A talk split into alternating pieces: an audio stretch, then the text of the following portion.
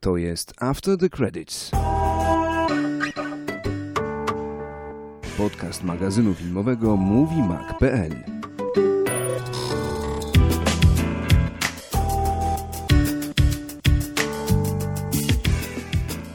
Adawela Akinoue Akbaye. Ja nie mogę tego nazwiska. No będziesz musiał, niestety. No. To Killer Croc, tak? Mhm. To, to nie wiem, mam, ja już tak pogubiłem w tych w tej obsadzie, że mam ochotę tylko machnąć i powiedzieć, no tam będzie ich dużo i nara. Znaczy ja, ja mam wrażenie, że DC generalnie ma, ma jedną politykę robienia seriali i filmów. Nawalić wszystkich, wiesz, postaci, no wiesz, na raz. Tak samo to całe Gotham, które leci w telewizji. Mhm. Teraz ten, ten Suicide Squad. Mhm. Oni chcą, idą w takie, wiesz, im więcej, tym lepiej. No tak, Ilość, no nie jakość, nie? Ty, ale czekaj, tam w końcu Tom Hardy gra, czy Tom Hardy zrezygnował? Tom Hardy Zrezygnował. Zrezygnował, tak. On miał mia- grać główną rolę, bo, bo ten cały... Miał e, jakiegoś Rick, Ricka- Rick, Fla, Rick Rick Flag. Flag, tak? To Rick Mhm. Flag jest, jest dowodzącym całego tego e, Suicide Squad i to jest taka najważniejsza postać. On miał nią grać i zrezygnował w ostatniej chwili, bo coś tam innego nagrywał i nie mogli znaleźć. I na ostatnią chwilę chyba znaleźli tego Kinmana, czy jak on się tam nazywa. No to film web dalej pokazuje, że Tom Hardy gra. Nieładnie. Nie uaktualnili. Gdzie ty sprawdzasz takie rzeczy? Już się przerzucam i IMDb.com już przeskakuję. Zamiast profesjonalnie wejść na, na zgniłe pomidory albo IMDb, to ty już film błędny. No ale Jared Leto dalej jest. Margot Robbie dalej jest. Jared Leto, nie wiem czy obserwujesz Jared, Jareda Leto na Na Instagramie. Na No Instagramie. jasne. Mhm. Ten, ten, ten głos. Super sprawa. Pierwszy no. raz chyba, chyba mnie sprzedał tak Mhm. konkretnie na, na, na Jokera. Tak, oni są w jakiejś trasie koncertowej chyba od, Mhm. pół, mi- od dwóch tygodni po Syberii jeżdżą i po Rosji. No, no. Średni target jak na... Chociaż nie, w sumie komiksowe filmy sprzedają się wszędzie. Nie? I chyba sobie ćwiczy głos tam, na każdym koncercie tak. próbuje coś. Znaczy on jest, wiesz co, w roli, wiesz, mi się wydaje. I, albo... Mhm. Joker jest ciężką postacią, nie? Jednego aktora ubiło już właściwie, wiesz, No tak. wcielenie. A, No tak. a może gdzieś siedzieć głęboko. No, on dobrze zaczął budować. No, parę minut dziennie sobie pomówi Jokerem i, będzie powoli się nim y, stawał. No bo wizualnie no, już... Ryskować, wiesz, przekleństwami do kogoś biednego, wiesz, w publiczności, nie? To, to, to... Tak, widziałem wczoraj takie nagranie, właśnie, wyklinał kogoś. Mhm.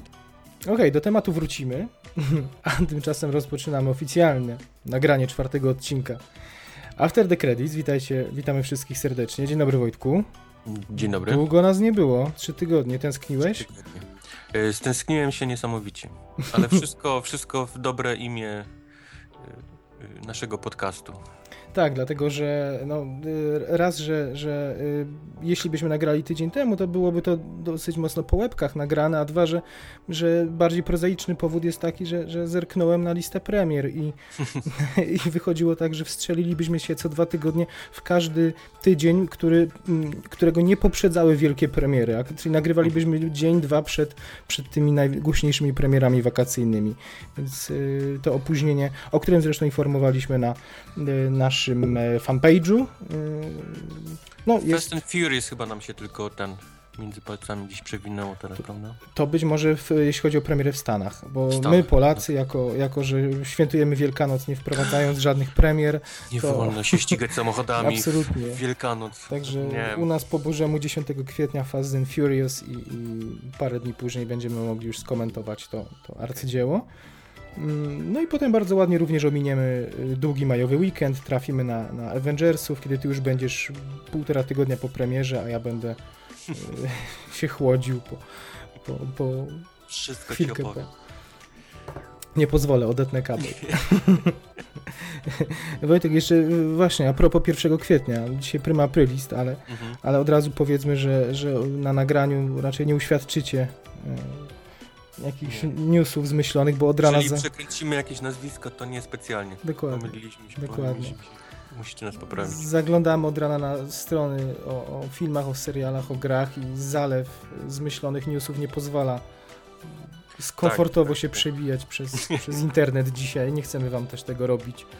I skazywać kogoś, kto na przykład za pół roku będzie słuchał tego nagrania, żeby musiał się domyślać, co jest prawdą, a co nie. Więc zresztą, e, jak patrzę na rozpiskę dnia dzisiejszego i tych wszystkich wy- newsów, które się przytrafiły przez ostatnie trzy tygodnie, to y, słuchaj, jakbym ci powiedział że Archiwum X powraca, być Prima Aprilis. Nie no, żartuj, halo, proszę. nie żartuj. Że Jennifer Lawrence odchodzi z X-Menów, no come on.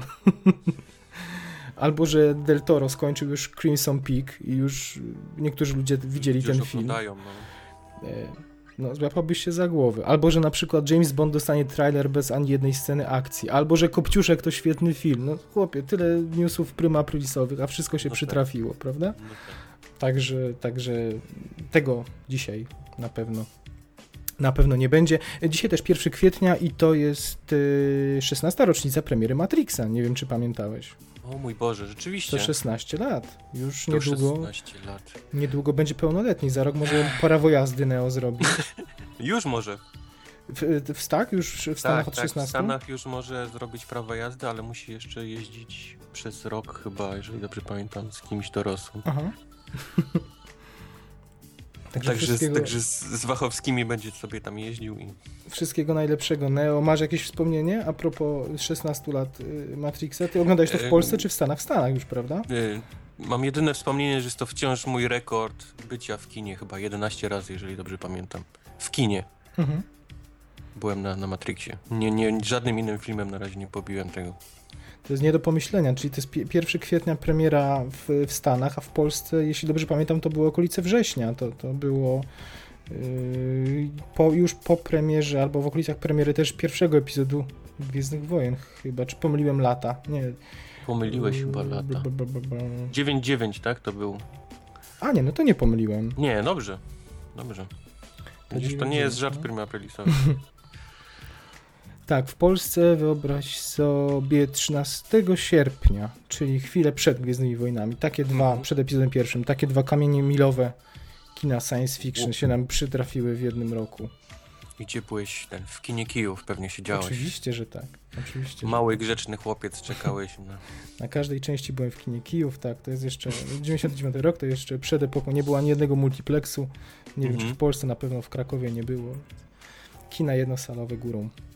Wszystkiego najlepszego Neo w każdym razie. No, okej. Y, y, Przejdźmy do newsów od razu. Y, Jako, że jest ich sporo, bo nie było nas trzy tygodnie i, i już na poprzednim nagraniu wspomniałeś y, w trakcie nagrania, że spływają informacje z konferencji Disneya dla inwestorów. Tak. Informacje o Gwiezdnych Wojnach. Chciałbym, żebyśmy je jakoś krótko podsumowali, z racji też tego, że przez trzy tygodnie potem jeszcze kilkakrotnie te informacje uzupełniano.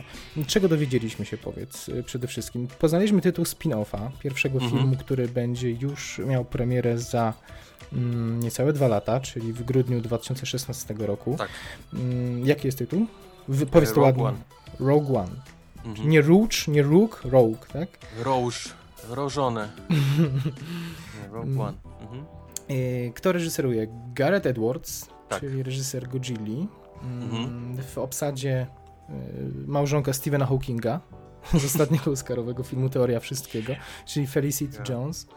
Ja ostatnio z January Jonesem pomyliłem na innym podcaście, ale Ojej, nikt mnie nie poprawił. Trochę inna liga, ale, ale, liga, ale, zdecydowanie obie, inna liga. ale obie piękne kobiety. Mm, ale słuchaj, co mówi nam tytuł przede wszystkim?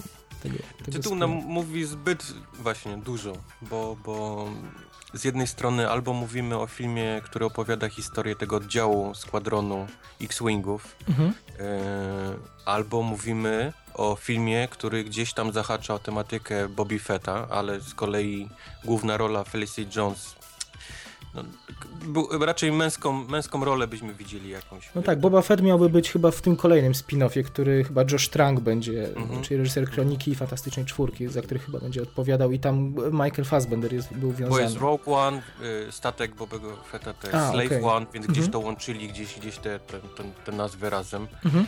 Em, także no, no to, to na razie są, to na razie są te, te takie typy. Tam, w- dzień później ludzie, którzy byli na tej konferencji, którzy nie do końca no, inwestują pieniądze w Disneya, a nie do końca Mhm. interesują się Gwiezdnymi Wojnami, mówili, że pokazano im jeden szkic koncepcyjny związany z tym filmem i powiedzieli, co widzieli. Widzieli wielkie statki kosmiczne, naprawdę Mhm. ogromne, jakby to była jakaś inwazja. W tle y, rzesze, nie wiem, tysiące żołnierzy, jakieś armie, Mhm. czy coś spektakula- spektakularnego, to by się gdzieś łączyło z tą estetyką Garetha Edwardsa, który no, jest, stał się specjalistą od, od, przez Godzilla, wcześniej Monsters, od takich filmów na, na ogromną skalę z ogromnymi zniszczeniami.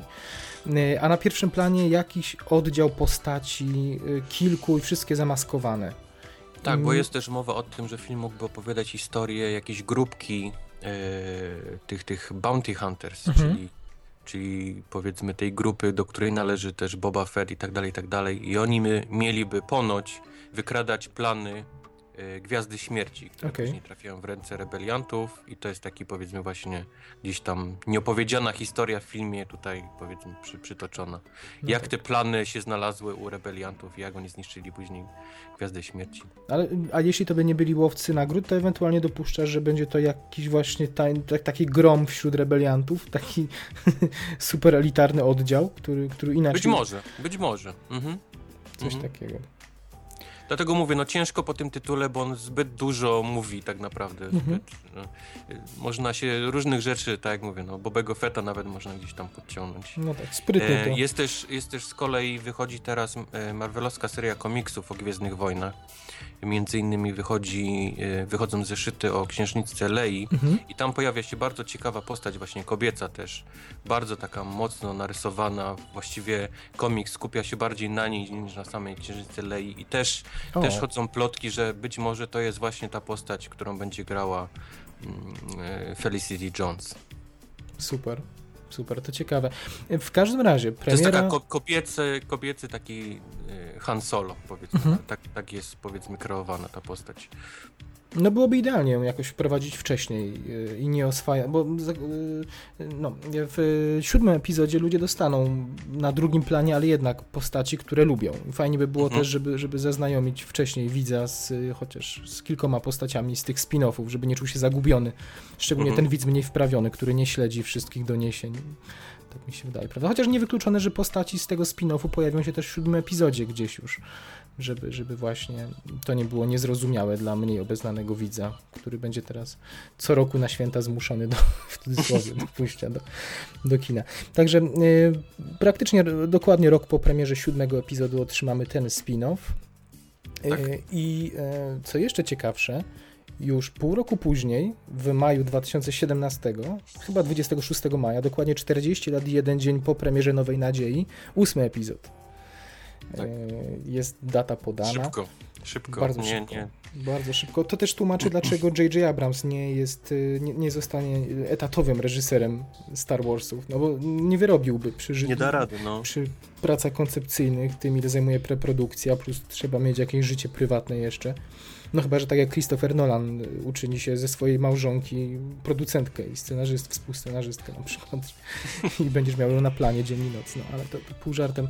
Em, także zakładamy, że, że podczas powstawania ósmego epizodu czy nie zakładamy, ale y, plotka mówi, że y, JJ, że, że y, włodarze Disneya, ci ludzie, którzy widzieli już siódmy epizod, y, a przynajmniej tą część, która jest już nakręcona, zmontowana, są tak zachwyceni poziomem, że J.J. Abrams już jest na pewno, jest pewnikiem do dziewiątego epizodu. I to by się zgadzało, prawda, że No, no, y, co drugi. Co drugi. Ósmy epizod będzie w trakcie realizacji, a JJ będzie już przygotowywał epizod dziewiąty. No, póki to będzie trzymało odpowiedni poziom, to, to chyba będziemy się tylko cieszyć, że to będzie co rok nawiedzało. I podejrzewam, że, że jak myślisz, czy utrzyma się ta coroczna data premiery majowa już od ósmego, od ósmego epizodu? Czy, Eee, czy będą skakać maj, grudzień, maj, grudzień? Ja myślę, że będą skakać. Zwłaszcza jeżeli będą chcieli przeplatać to jakimiś spin-offami, a na pewno będą, bo już powstaje Rogue One. Na, musi powstać film o, o Boby Fecie, bo to jest coś, co chyba fani chcą najbardziej, więc myślę, że to będzie przeplatany duży film, jakimś takim mniejszym właśnie będą skakać datami. Co jeszcze wiemy? Co jeszcze wiemy? Mm, wiemy na pewno to, że muzykę do spin-offu, do Rogue One skomponuje nie John Williams, Czyli pierwszy raz kinowe Gwiezdne Wojny muzyką zilustruje Francuz Alexandre Desplat. Mhm. I wynika to w zasadzie tylko i wyłącznie z jego z prywatnej sympatii re reżysera, czyli Gareth Edwards y, Tak. zaangażował go do Godzilli, y, w której sprawdził się moim zdaniem średnio, ale panowie się najwidoczniej polubili. No, y, Aleksander Desplat jest y, w, świadku muzyki filmowej jest takie żartobliwe, trochę sarkastyczne określenie, że jest specjalistą od plumkania, czyli od takich motywów estetycznych na fortepian, Tak. lirycznych. no, do, raczej skromnych filmów, y, mimo że na przykład radzi sobie całkiem sympatycznie w animacjach, jak yy, yy, ojejku, Strażnicy Marzeń w polskiej wersji, Mhm. chciałem ci powiedzieć po angielsku, jak jest Guardians, Guardians of the... tak. nie of the Galaxy, tylko Nie, właśnie razie zaczynasz od Guardian... tak, tak, tak, tak, tak. już jesteśmy zepsuci. Tak, no, ale No. facet y, nieźle sobie radzi również w animacjach, także także no, myślę, że to ciekawy zabieg na pewno. John Mhm. Williams, co, coś świeży po- powiew na pewno do, do sagi Gwiezdnych Wojen tutaj będzie wprowadzony. Tym bardziej, że John Williams, najmłodszy już nie jest, musiał zresztą z powodów zdrowotnych zrezygnować ostatnio z y, komponowania dla Spielberga do filmu Bridge of Spies. Mhm. Pierwszy raz chyba od 30 lat ktoś inny napisze muzykę do filmu Spielberga, a nie John Ojej. Williams. No, zresztą nie wiem, czy wiesz, ten, ten film Bridge of Spies to jest y, jeden z y, filmów szykowanych na okres Oscarowy. On w dużej części w Polsce był, był kręcony, we tak? Wrocławiu. O, Tam sobie Spielberg z Tomem Hanksem y, spacerowali, odwiedzali renomowane restauracje i pół Wrocławia było oburzone. Że im, O że im korkują miasto, że wsadzają jakieś zastawki takie za, zasłaniające budynki, udające kamienice Berlina i to utrudnia wiesz, życie we Wrocławiu. Także myślę, że w każdym innym mieście ludzie by się cieszyli, czy w każdym innym kraju ludzie by się cieszyli, że Hollywood tam chce przyjechać, że chce zostawić pieniądze. Nie, to, to nie jest tak. Tutaj też ludzie psioczą, jak jest, Tak? jak kręcą. No, są ostrzeżenia rano w wiadomościach i wszyscy, wszyscy psioczą, bo są straszne korki. No dobra, ale u was ciągle kręcą, no a tutaj jest raz na 20 lat przyjedzie Hollywood i No niby tak, masz szansę wypromować gdzieś miasto i, i jeszcze parę złotych może skapnąć do, do kieszeni ludzi, obywateli. A A marudzenie więcej było... wiesz o tym filmie? Sorry, że tak przeskoczyłem. Nie no, bardzo dobrze. No, był łącznik y, John Williams, nobliwy, bardzo, Mhm. bardzo, bardzo dobry łącznik. Ma to być historia dziejąca się w trakcie zimnej wojny, Mhm. mm, o tym, że... mm, A, a tytułowy, ten mo, tytułowy most, czyli ten most szpiegów, The Bridge of Spies, No. To jest most łączący Berlin z Poczdamem i na tym moście dokonała się pierwsza w ramach zimnej wojny wymiana jeńców między Mhm. Związkiem Radzieckim a Ameryką. Tam bodaj francuski pilot został zestrzelony nad, nad Związkiem Radzieckim i y, Tom Hanks gra prawnika, który Mhm, właśnie bierze mhm. udział w tej operacji. Czyli Spielberg powraca do cięższych tematów. Ja lubię to, nie wiem, czy lubisz tego Spielberga, czy wolisz tego bardziej y, Spielberga dziecięcego, czy bardziej komediowego, czy bardziej science fiction, czy poważnego. Ja chyba właśnie tęsknię za Spielbergiem science fiction Mhm. i, i on chyba usłyszał moje modły, bo, bo będziemy też o tym mówić później. O Tak. Spielbergu, który wraca do, do korzeni, powiedzmy. No niemniej największe Mam wrażenie, że, on, Mhm. że on, te, te jego filmy są robione specjalnie pod Oscary i takie muszą być wszystkie takie same i, i wyniosłe, smutne i, i z jakimś, jakimś takim No na pewno, na pewno ilekroć sięga po taką tematykę, to nominacje ma niemal pewne. No Tak. ale to jest, dla mnie to jest jeden z największych żyjących artystów kina, bo głównie właśnie przez tą swoją umiejętność manewrowania i skakania między gatunkami, że, że naprawdę w jakiego kina by nie dotknął, to jest to najwyższy poziom. No niemniej, czy to lista Schindlera, czy Monachium, no to są fantastyczne rzeczy, które się zapisały w historii kina i no i myślę, że. Bridge of Spies będzie również czymś sympatycznym, czymś ważnym dla, dla tego roku. No tym bardziej ubolewam, że muzyka y, muzyka to nie będzie John Williams, to będzie bodaj David Newman, y, czyli ostatni y, kompozytor muzyki do ostatnich Jamesów Bondów. Mhm. No to nie jest ta liga, ale, ale ja myślę, że sobie poradzi. Nie będzie źle. Nie będzie źle. Y, Ostatni news a propos Gwiezdnych Wojen, jeszcze wracając. y, Nowy zwiastun, prawdopodobnie już za dwa tygodnie na Star Mhm. Wars Celebration, a po, Mhm. niedługo potem doklejony do, do nowych Avengersów. Taka jest Mhm. plotka.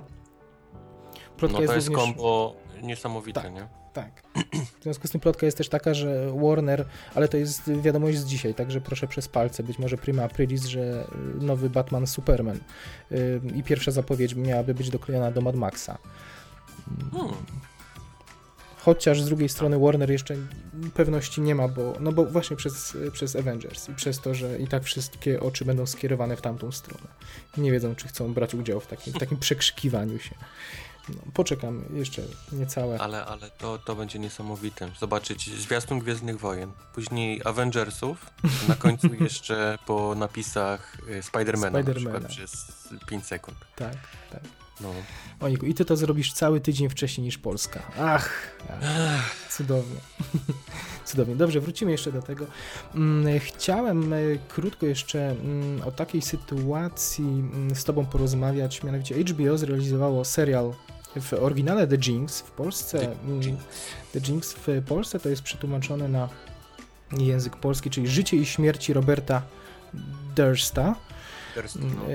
I ja o tej historii dowiedziałem się paradoksalnie nie z mediów filmowych, tylko z mediów głównego nurtu, bo to zaczęły się w telewizji pojawiać do nie, po prostu materiały o tym, że e, jakiś serial sprokurował to, że człowiek, który był podejrzany o zamordowanie swojej żony, e, a potem świadków, e, ewentualnych świadków zbrodni, który -huh. przez 20, ponad 20 lat chodził sobie bezkarnie po i był, był uniewinniany, wpadł przez serial telewizyjny. Tak. Tak. I właśnie nawet pytałem Wojtka przed nagraniem, czy, czy rozmawiamy o tym, czy, czy, czy Stany Zjednoczone żyły tą sprawą, no bo to nie jest y, normalna rzecz, że ktoś robi film i, na, i, i w trakcie emisji serialu dzięki temu filmowi przestępca trafia za kratki, ale mówisz, że takie rzeczy dzieją się często, tak? I... E, znaczy ja od razu się przyznam, że nie oglądam wiadomości, nie, nie siedzę, nie śledzę, mhm. więc jakiekolwiek te historie dowiedziałem się dopiero powiedzmy właśnie z mediów filmowych gdzie też, gdzie też ta cała historia, gdzie leci serial na bieżąco na, na HBO i, i przed dosłownie ostatnim odcinkiem gościa aresztują, bo gdzieś tam FBI się doszukało w serialu. Y, znaczy, no może nie w serialu, bo, bo, bo to wiadomo, ci goście, którzy kręcili gdzieś tam doszli do tego listu. Czyli inaczej, gdzieś... nie powinniśmy spoiler, spoilerować, natomiast y, z tego co, bo też nie widziałem wszystkich odcinków na razie, tylko widziałem pierwszy odcinek, y, ale, ale mm, z tego co można było usłyszeć również, tak jak mówię, u nas w przekazach mediów głównego nurtu, to ten mhm. serial dostarczył y, takich jeśli podsłuch, y, jeśli podsłuch, czy, czy my, powiem tak, może próbując nie zepsuć nikomu oglądania serialu, jeśli możemy uznać za dowód y, nagranie z mikrofonu, którego ktoś w trakcie udzielenia wywiadu przez przypadek nie wyłączył i poszedł z nim do toalety, i coś zaczął do siebie mówić podczas oddawania się czynnościom fizjologicznym, jeśli to możemy uznać za dowód, to gość chyba zostanie już do końca życia w więzieniu. Więc z tego co wiem, ta końcówka jest piorunująca i to w zasadzie okay. przez, trochę przez przypadek tam, trochę przypadku, trochę szczęścia i, i chyba mm, no, niechcący wyszło im dzieło, które się zapisze na kartach historii, na pewno telewizji. Mhm, mm -hmm. Ale rozumiem, że to nie jest w, w Stanach, y, no, bez szału. Tak. Wiesz co, może ja nie śledzę takich rzeczy, ale nic do mnie nie doszło mhm. jakoś specjalnie. Mhm. Tak samo chciałem ten wątek pociągnąć i mówię, zapisuję tu Wojtkowi, że pomówmy jeszcze o, o filmie Going Clear. To jest dokument HBO no, o scjentologach, bo na pewno tam cała Ameryka płonie, tam straszono, że HBO musi zatrudniać zastępy prawników, ale mówisz, że nic, cisza, kraj stoi. Nic, nic. Wiesz co, główne skrzypce w tym serialu gra koleś, który nazywa się, jeżeli dobrze pamiętam, Marty Marty coś tam. Wyleciała mi teraz mhm. jego nazwisko. To jest gość, który naprawdę grał główne skrzypce w Stanach, w tym, w tym całym kościele scjentologów. Mhm. On był takim gościem, który nowych, nowy na rybę gdzieś tam szukał, który prał mózgi i tak dalej. I mhm. on w 2004 roku odszedł z tego, z tego kościoła. I od tej pory prowadzi politykę taką właśnie... Krucjatę przeciwko, tak? Krucjatę mhm. przeciwko, bo, bo to, co się tam dzieje, to w ogóle przechodzi wiesz, ludzkie pojęcie. Mhm. On ma stronę internetową, wiadomo, ma, ma cały czas ludzi przed domem, którzy gdzieś go tam, wiesz, scjentologów, śledzą go i tak dalej, i tak dalej, ale, ale facet żyje, funkcjonuje, prowadzi swoją krucjatę. Więc, więc ten serial nie mógł zrobić nic więcej, co, co ten facet robi. I, i on występował wielokrotnie w telewizji, udzielał wywiadów i tak dalej, i tak dalej, więc cała ta taka nagonka, że o, going clear, teraz ludzie zobaczą prawdę i się zacznie, upadnie ten kościół albo, albo zaczną się morderstwa. Mhm. To, to wydaje mi się, że to jest dobry PR filmu i kilka osób ściągnie, ale, ale nic poza tym. Nic z tego się nie wydarzy, jakichś takich strasznych rzeczy. Jasne. No jeśli, jeśli mówi, że gość nieustannie jakby zafiksował się na walce z Kościołem, to też scjentolodzy pewnie bardzo łatwo mogą podważać jego wiarygodność, mówiąc, że to, nie wiem, że, że wiem, jakiś oszalały jest albo, albo zdeterminowany, że, że, nie wiem, ktoś mu zrobił krzywdę i chce się odegrać, prawda? Mhm, Podejrzewam. mhm. No nic, mam nadzieję, że to mimo wszystko dotrze do, do Polski. Na pewno HBO prędzej czy później to u nas pokaże i wtedy, Dotrze, dotrze i pewnie, wtedy, no. się, wtedy się pewnie odniesiemy. Yy, słuchaj, zmieńmy, zmieńmy klimat. Zmieńmy klimat. W Okej. Polsce wczoraj spadł śnieg. No, na święta. Na święta. Ze mnie. Przysłałeś nam w parce z Chicago. Yy, Frozen 2. Na, No, na tej samej konferencji Disneya, na której opowiadano o Gwiezdnych Wojnach, yy, let it zapowiedziano. go, let it go, ale widzę ktoś drugą część, tak? Yy, cieszysz się? Podobała ci się pierwsza część? Bo chyba nigdy cię nie pytałem. Oczywiście. no. Jesteś No. Team Frozen, masz pluszowego Olafa, tak? Ojej. Ja tu jak jestem sam w domu, to się kręcę w kółko i śpiewam. Fantastycznie. No paradoksalnie, no, ciekawe. Ciekawe, czy się uda no, powtórzyć sukces. Y, Mnie troszkę... Nie uda się z, z pewnością, ale zarobią na pewno na tym filmie. Mnie troszkę ostudziła animacja Frozen Fever, czyli e, gorączka lodu doklejona do kopciuszka. To jest 10-minutowa kontynuacja Krainy Lodu, y, na której dzieci bawiły się lepiej niż na samym kopciuszku w kinie, co nie dziwne, biły brawo, ilekroć ktoś się przewrócił O, albo dostał słodko. śnieżką słodką. W kopciuszku nie było takiego, tego typu żartu, więc... Nope. E, No, ale, ale to była bardzo słaba pod względem jakiejś właśnie pomysłu przede wszystkim animacja. W zasadzie 10 minut chodzenia po mieście, śpiewania jednej piosenki. Mhm. mm, No, bez nie chcę być jakąś fabuły. marutą, ale wydaje mi się, że to jest takie klasyczne odcinanie kuponu od, od, od czegoś, co zarobiło po prostu niesamowite biliardy do, dolarów. A w czym upatrujesz sukcesu? Bo dla mnie Frozen, znaczy, gdybym ja Frozen miał... to jest jedna piosenka. To jest, to jest nic więcej. Tak byś, są, tak są... byś spłycił ten sukces do jednej piosenki? Niestety, tak? niestety, no. I jeżeli, jeżeli zap- zapytasz się o Frozen, to pierwsze jest, wiesz, Let It Go. Mhm. Dzieci śpiewają to wszędzie, na ulicy, w szkołach i tak dalej. Y, Filmy na YouTube sobie wpisz, gdzie, gdzie miliardy dzieci do Mam przerobione śpiewają. wszystko, mam przerobione, Let łącznie z pastorem, który na, w ramach kazania śpiewa Let It Go w Dokładnie, kościele. dokładnie. To są, to są DLC do gier, gdzie się śpiewa, wiesz, i, Mhm. i tak dalej. To jest, to jest jedna rzecz, to jest właśnie ta piosenka. I, Nie. i wszelakie przeróbki jej. Gdybyś mnie zapytał, co mnie kupiło, to ja bym powiedział, że oprócz oczywiście piosenek, to mm, miejsce akcji. No Ja uwielbiam wszystko, No co tak, się tak. dzieje w zimie. Ja uwielbiam wszystko, gdzie, gdzie jest śnieg, gdzie jest biało. To estetyka jakby tego filmu mnie się szalenie podobała, no bo historia, umówmy się, była mm, bardzo prosta.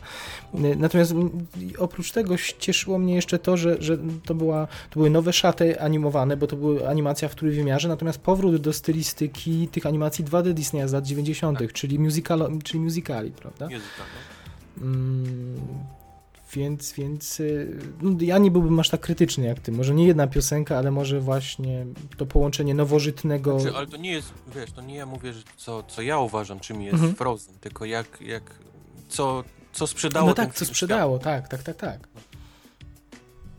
Więc ty uważasz, że jedna piosenka, no mnie się wydaje, że, że jednak całość, cała ta konstrukcja.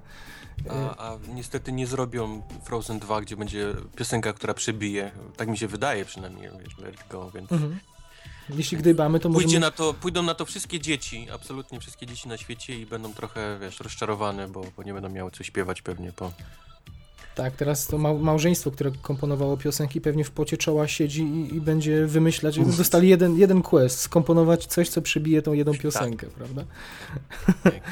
Myślę, że no będą mieć e, trudne, trudne zadanie. Poczekamy jeszcze pewnie co najmniej dwa lata, zakładając, że produkcja rozpoczęła się rok temu, zaraz po premierze pierwszej części, to, to myślę, że... To Frozen się dość, dość jeszcze w dalszym ciągu sprzedaje, wiesz, to Mhm. leci w dalszym ciągu w kinach.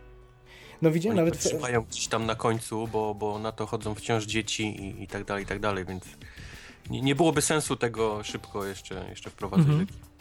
No w Europie, nawet w, w Stanach pewnie tym bardziej. W Europie, szczególnie w Wielkiej Brytanii, bardzo popularne są seanse z karaoke. Czyli tak, oglądasz film z napisami bez, no. bez ścieżki no, audio w piosenkach. To jest właśnie to, no, to jest właśnie ta jedna piosenka. Niesamowite przeżycie, bo cała sala śpiewa piosenki, tak? Ludzie po ileś razy chodzą. Z chęcią bym poszedł na coś takiego w Polsce. Fajne.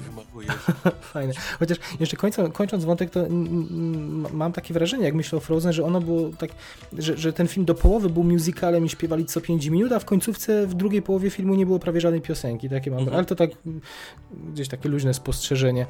Mm, mm, mm. Ale może to też y, jakiś, jakaś cząstka sukcesu tego filmu, że i dla tych, którzy chcieli musicalu było, było dużo śpiewania, a, a ci, którzy nienawidzą piosenek mogli powiedzieć, że w drugiej połowie tych piosenek prawie nie było. E, Liam Neeson kończy za dwa lata z kinem akcji, taki news się posypał. Ojej. Ja myślę, Wierzysz że to? Liam Neeson już jest tak głęboko w szufladzie y, y, tej, tej Taken, mhm. że nie wyjdzie już nigdy z niej. Teraz y, w Polsce jesteśmy jeszcze przed premierą. Wy już chyba mm, tą premierę mieliście, Nocny Pościg, tak? Tak, tak, tak, tak. Czyli w kółko odgrywanie tej samej roli, smutnego tak, 65-latka. samym gościem w różnych, w różnych filmach mhm. odgrywa dokładnie tą samą rolę. Wcześniej film Non-Stop na przykład. Facet, który ma zdolności do, do mordowania i, i musi cały czas gdzieś tam rodzinę swoją bronić w jakikolwiek sposób. Nie może Mimo, że przecież Liam Neeson to jest y, aktor znakomity, oscarowy, no jeden z, naj, jeden z najważniejszych żyjących nazwisk kina. Tu już chyba przy okazji odcinka oscarowego rozmawialiśmy, prawda, o tym, że, że Hollywood nie ma za bardzo pomysłu na, na tych aktorów już po 50, po 60. Uh -huh. I, uh -huh. i Liam i tak nie jest w tej naj najbardziej niekorzystnej sytuacji, bo znalazł sobie tą szufladkę i te filmy, to, są, to nie są jeszcze filmy, które trafiają tylko na rynek DVD, tylko póki co jeszcze ktoś je chce w kinach pokazywać, ale jest masa aktorów na czele z, nie wiem, Antonym Hopkinsem, czy Alem Pacino, czy Robertem De Niro, którzy, którzy grają ogony. No próbują... tak, tylko tak jak mówię, ta szuflada jest tak głęboka, że ja nie wiem, czy on się będzie w stanie z niej wydrapać, mhm. bo, bo jeżeli myślisz Liam Neeson teraz gdziekolwiek on by był na rozdaniach Oscarów, czy na jakichś, na jakichś wywiadach w telewizji i tak dalej, on musi cały czas odgrywać tą rolę, tą, tą rozmawiania przez telefon. Nie wiem, kim jesteś, ale mam, mam wiadomo, ten, ten mhm. zestaw umiejętności. On zawsze to robi, więc on, on wpadł po prostu w taką mega szufladę tak. tego Taken, że jeżeli za dwa lata zobaczymy go w jakiejś komedii romantycznej, to będzie mhm. naprawdę ciężko, bo każdy będzie, okej, okay, okej, okay, kiedy zacznie mordować? kiedy będzie to, to, kiedy on zacznie wreszcie tą rodzinę gdzieś tam... Powiedzmy Taken, czyli, czyli uprowadzona w, po polsku. Uprowadzona. Bardzo, bardzo popularny zresztą serial, bardzo popularna w Polsce, w Stanach również. tak patrzę na filmografię Liama Neesona, no, film, na który najbardziej czekam z tych nadchodzących, to jest nowy film Martiego Scorsese. Mhm w którym gra, no nie, nie, nie, nie, tą, nie tą najgłówniejszą rolę, ale jednak film o mnichach katolickich, którzy nawracają w, bodaj w Japonii tak. ludzi 100, 100 lat temu, czy, czy jeszcze wcześniej. Mm, fajnie. No to będzie taki test. To będzie test, czyli Liam się jeszcze potrafi odnaleźć w kinie bardziej, bardziej artystycznym i, i czy ludzie będą na takiego Liama no. chcieli chodzić. No najgorsze jest to, że te filmy jego nie są. Oczywiście Taken 2, Taken 1 był świetny, bo to był taki pierwszy powiedzmy z tych filmów takich, yy, gdzie, gdzie jeżeli pamiętasz y, Stevena Seagala i tak dalej, i mhm. lubiłeś te filmy z dzieciństwa, no to mhm. on tak idealnie się wpasowywał gdzieś tą lukę, której, której brakowało. Ale później to już zaczęły być wierne kopie i, ten A Walk, the, the Walk Among the Tombstones, który był masakryczny. Tak, mhm. No, jakieś takie zaczął brać w dziwnych takich, y, ten, ten Million Ways to Die in the West, który jest chyba moim najgorszym filmem z, z poprzedniego roku. Um, a tu jeszcze widzę na, na IMDb, on w TED 2 ma być, więc, więc to są takie jakieś straszne koszmarki, w których on bierze udział i, i, i ta zapowiedź, że za dwa lata się z tego wygrzebie, no powodzenia. Pobożne życzenie. No nic, y, troszkę bo, bo teraz podparłem się ściągawką i w filmie Silence, czyli właśnie, y, czyli po polsku Milczenie Boga Martiego Scorsese, to będzie jednak y, główna rola, razem z Andrew Garfieldem. Oni będą obaj ojczulkami. Także słuchaj, może będzie kasus. Mm, mm, mm, Boże, ten... wypadło mi nazwisko Michaela Keatona. Może no, będzie kasus Michaela Keatona że tą rolą akurat. To, to będzie, to będzie Quingon Jean, tylko w zakonie tych mnichów. Tak? no, jest okropny jesteś. Słuchaj, może posypią się nominacje do Oscarów i, i, i się wykaraska. No trzymam kciuki. Okej. Trzymam kciuki. Ja go Mm. lubię, więc nie życzę mu źle. No.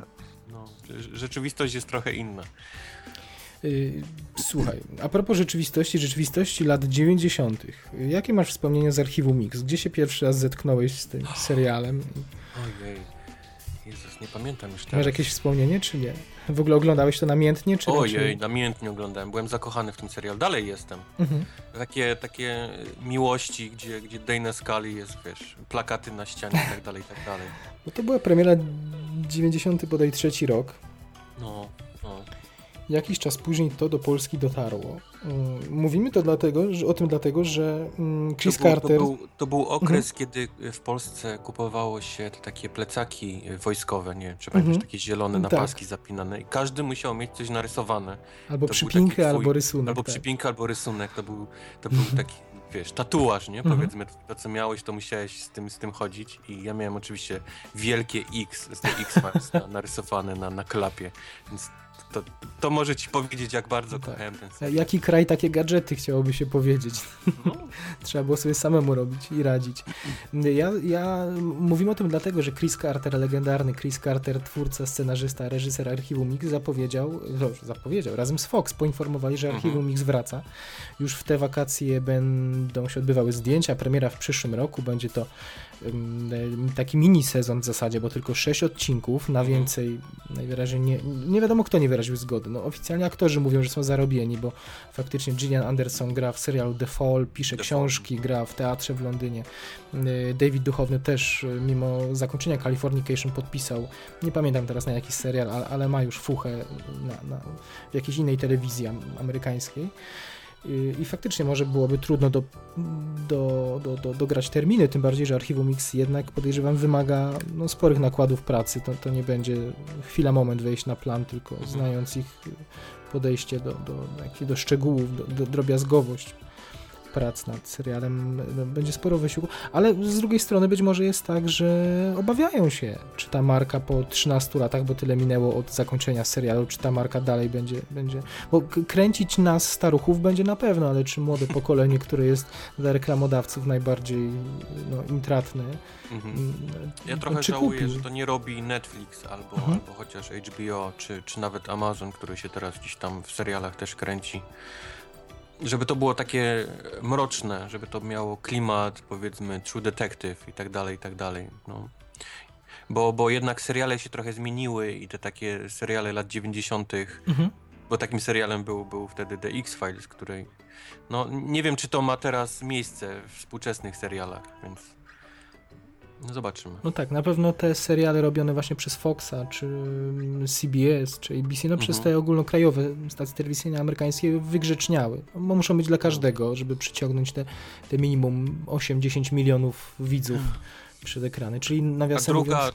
Mhm. druga sprawa jest taka, że niedługo ma wyjść komiks, który się nazywa Millennium i jest to oficjalna kontynuacja właśnie The X-Files.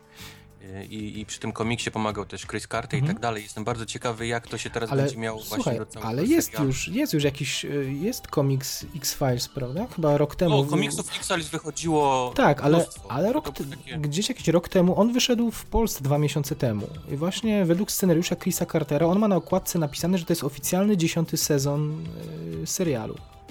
Mhm. to A miało- teraz dalej leci ten, ma, ma się Mhm. pojawić Millennium, który jest dalszym ciągiem tej, tej, tej, tej historii. W każdym razie Chris Carter w wywiadach mówi, że, na, że to nie będą się te dwa media przenikały. To znaczy, że komiks sobie, serial sobie nie będzie ani adaptował tego komiksu, do którego sam wymyślał historię, ani raczej no, No mieszał. trochę głupio, no. Bo zamiast tworzyć świat, powiedzmy, jakiś Mhm. spójny, to oni się jakoś tam rozwarstwiają na, na komiksy i, i seriale. No Mhm. zobaczymy. No może nie chciał odstraszyć tych No nas, jeszcze, staruszków. jeszcze niech oni to zaczną kręcić, bo jak pokazuje Twin Peaks, różnie, różnie bywa z takimi odgrzewanymi pomysłami. No właśnie, no właśnie.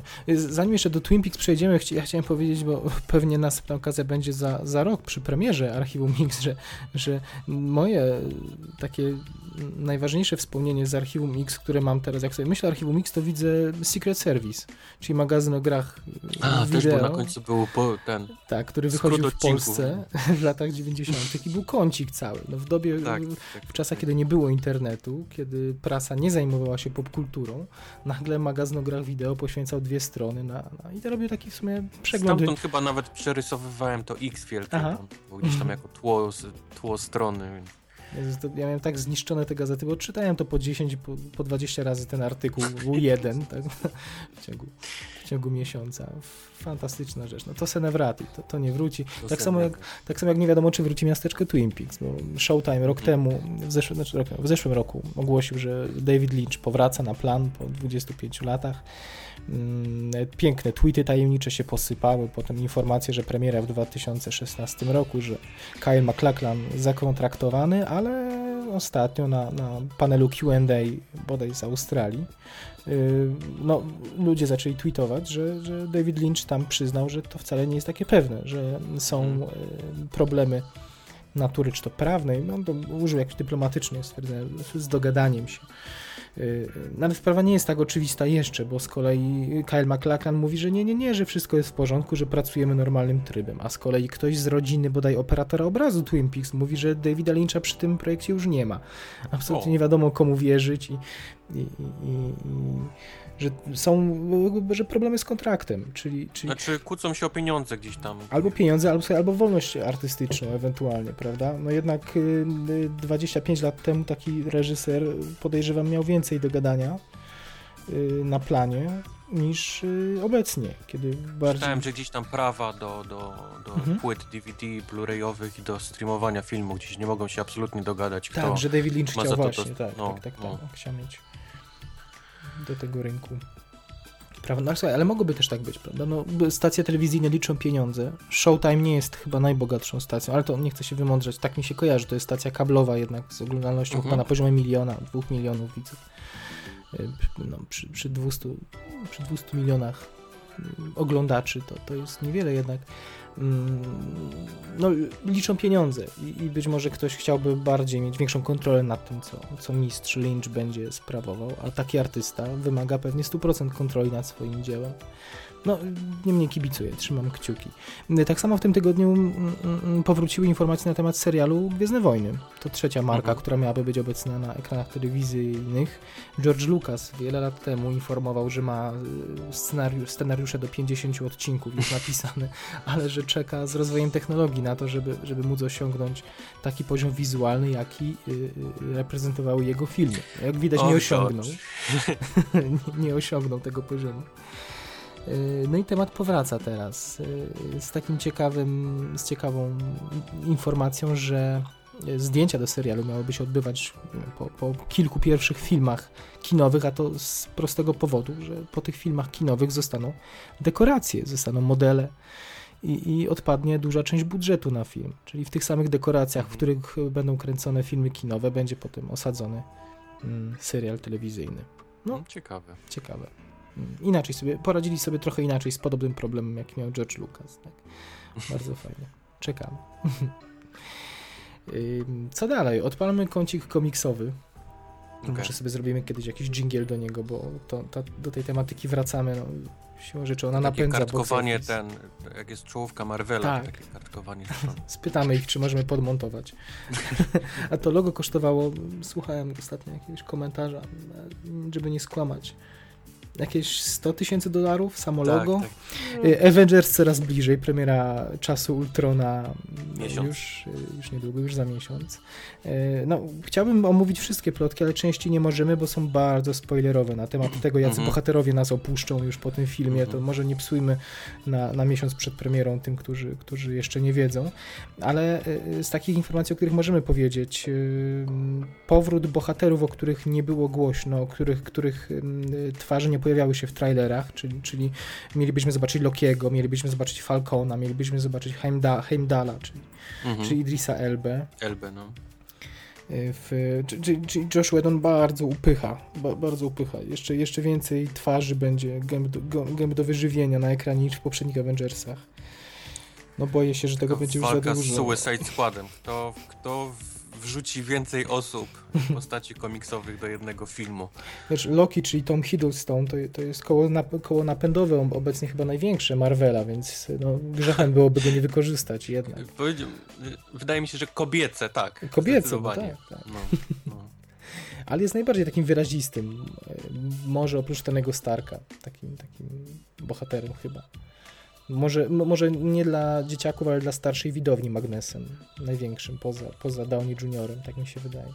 Może. Mm, y, Kolejne plotki o tym, że jest już obsadzona Captain Marvel i że miałaby się też pojawić już w Avengersach. Czy Mhm. też słyszałeś, czy też ci to Też było słyszałem, już? tak. Masz jakieś castingowe typy, czy, czy nie bardzo?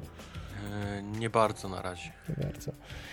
Y, Dalej pojawiają się nazwiska szesnastolatków, y, nazwiska chłopaków, którzy mieliby grać Spidermana. No to już ostatni dzwonek, scena pewnie nagrana, to już pochylaliśmy się nad tym wcześniej.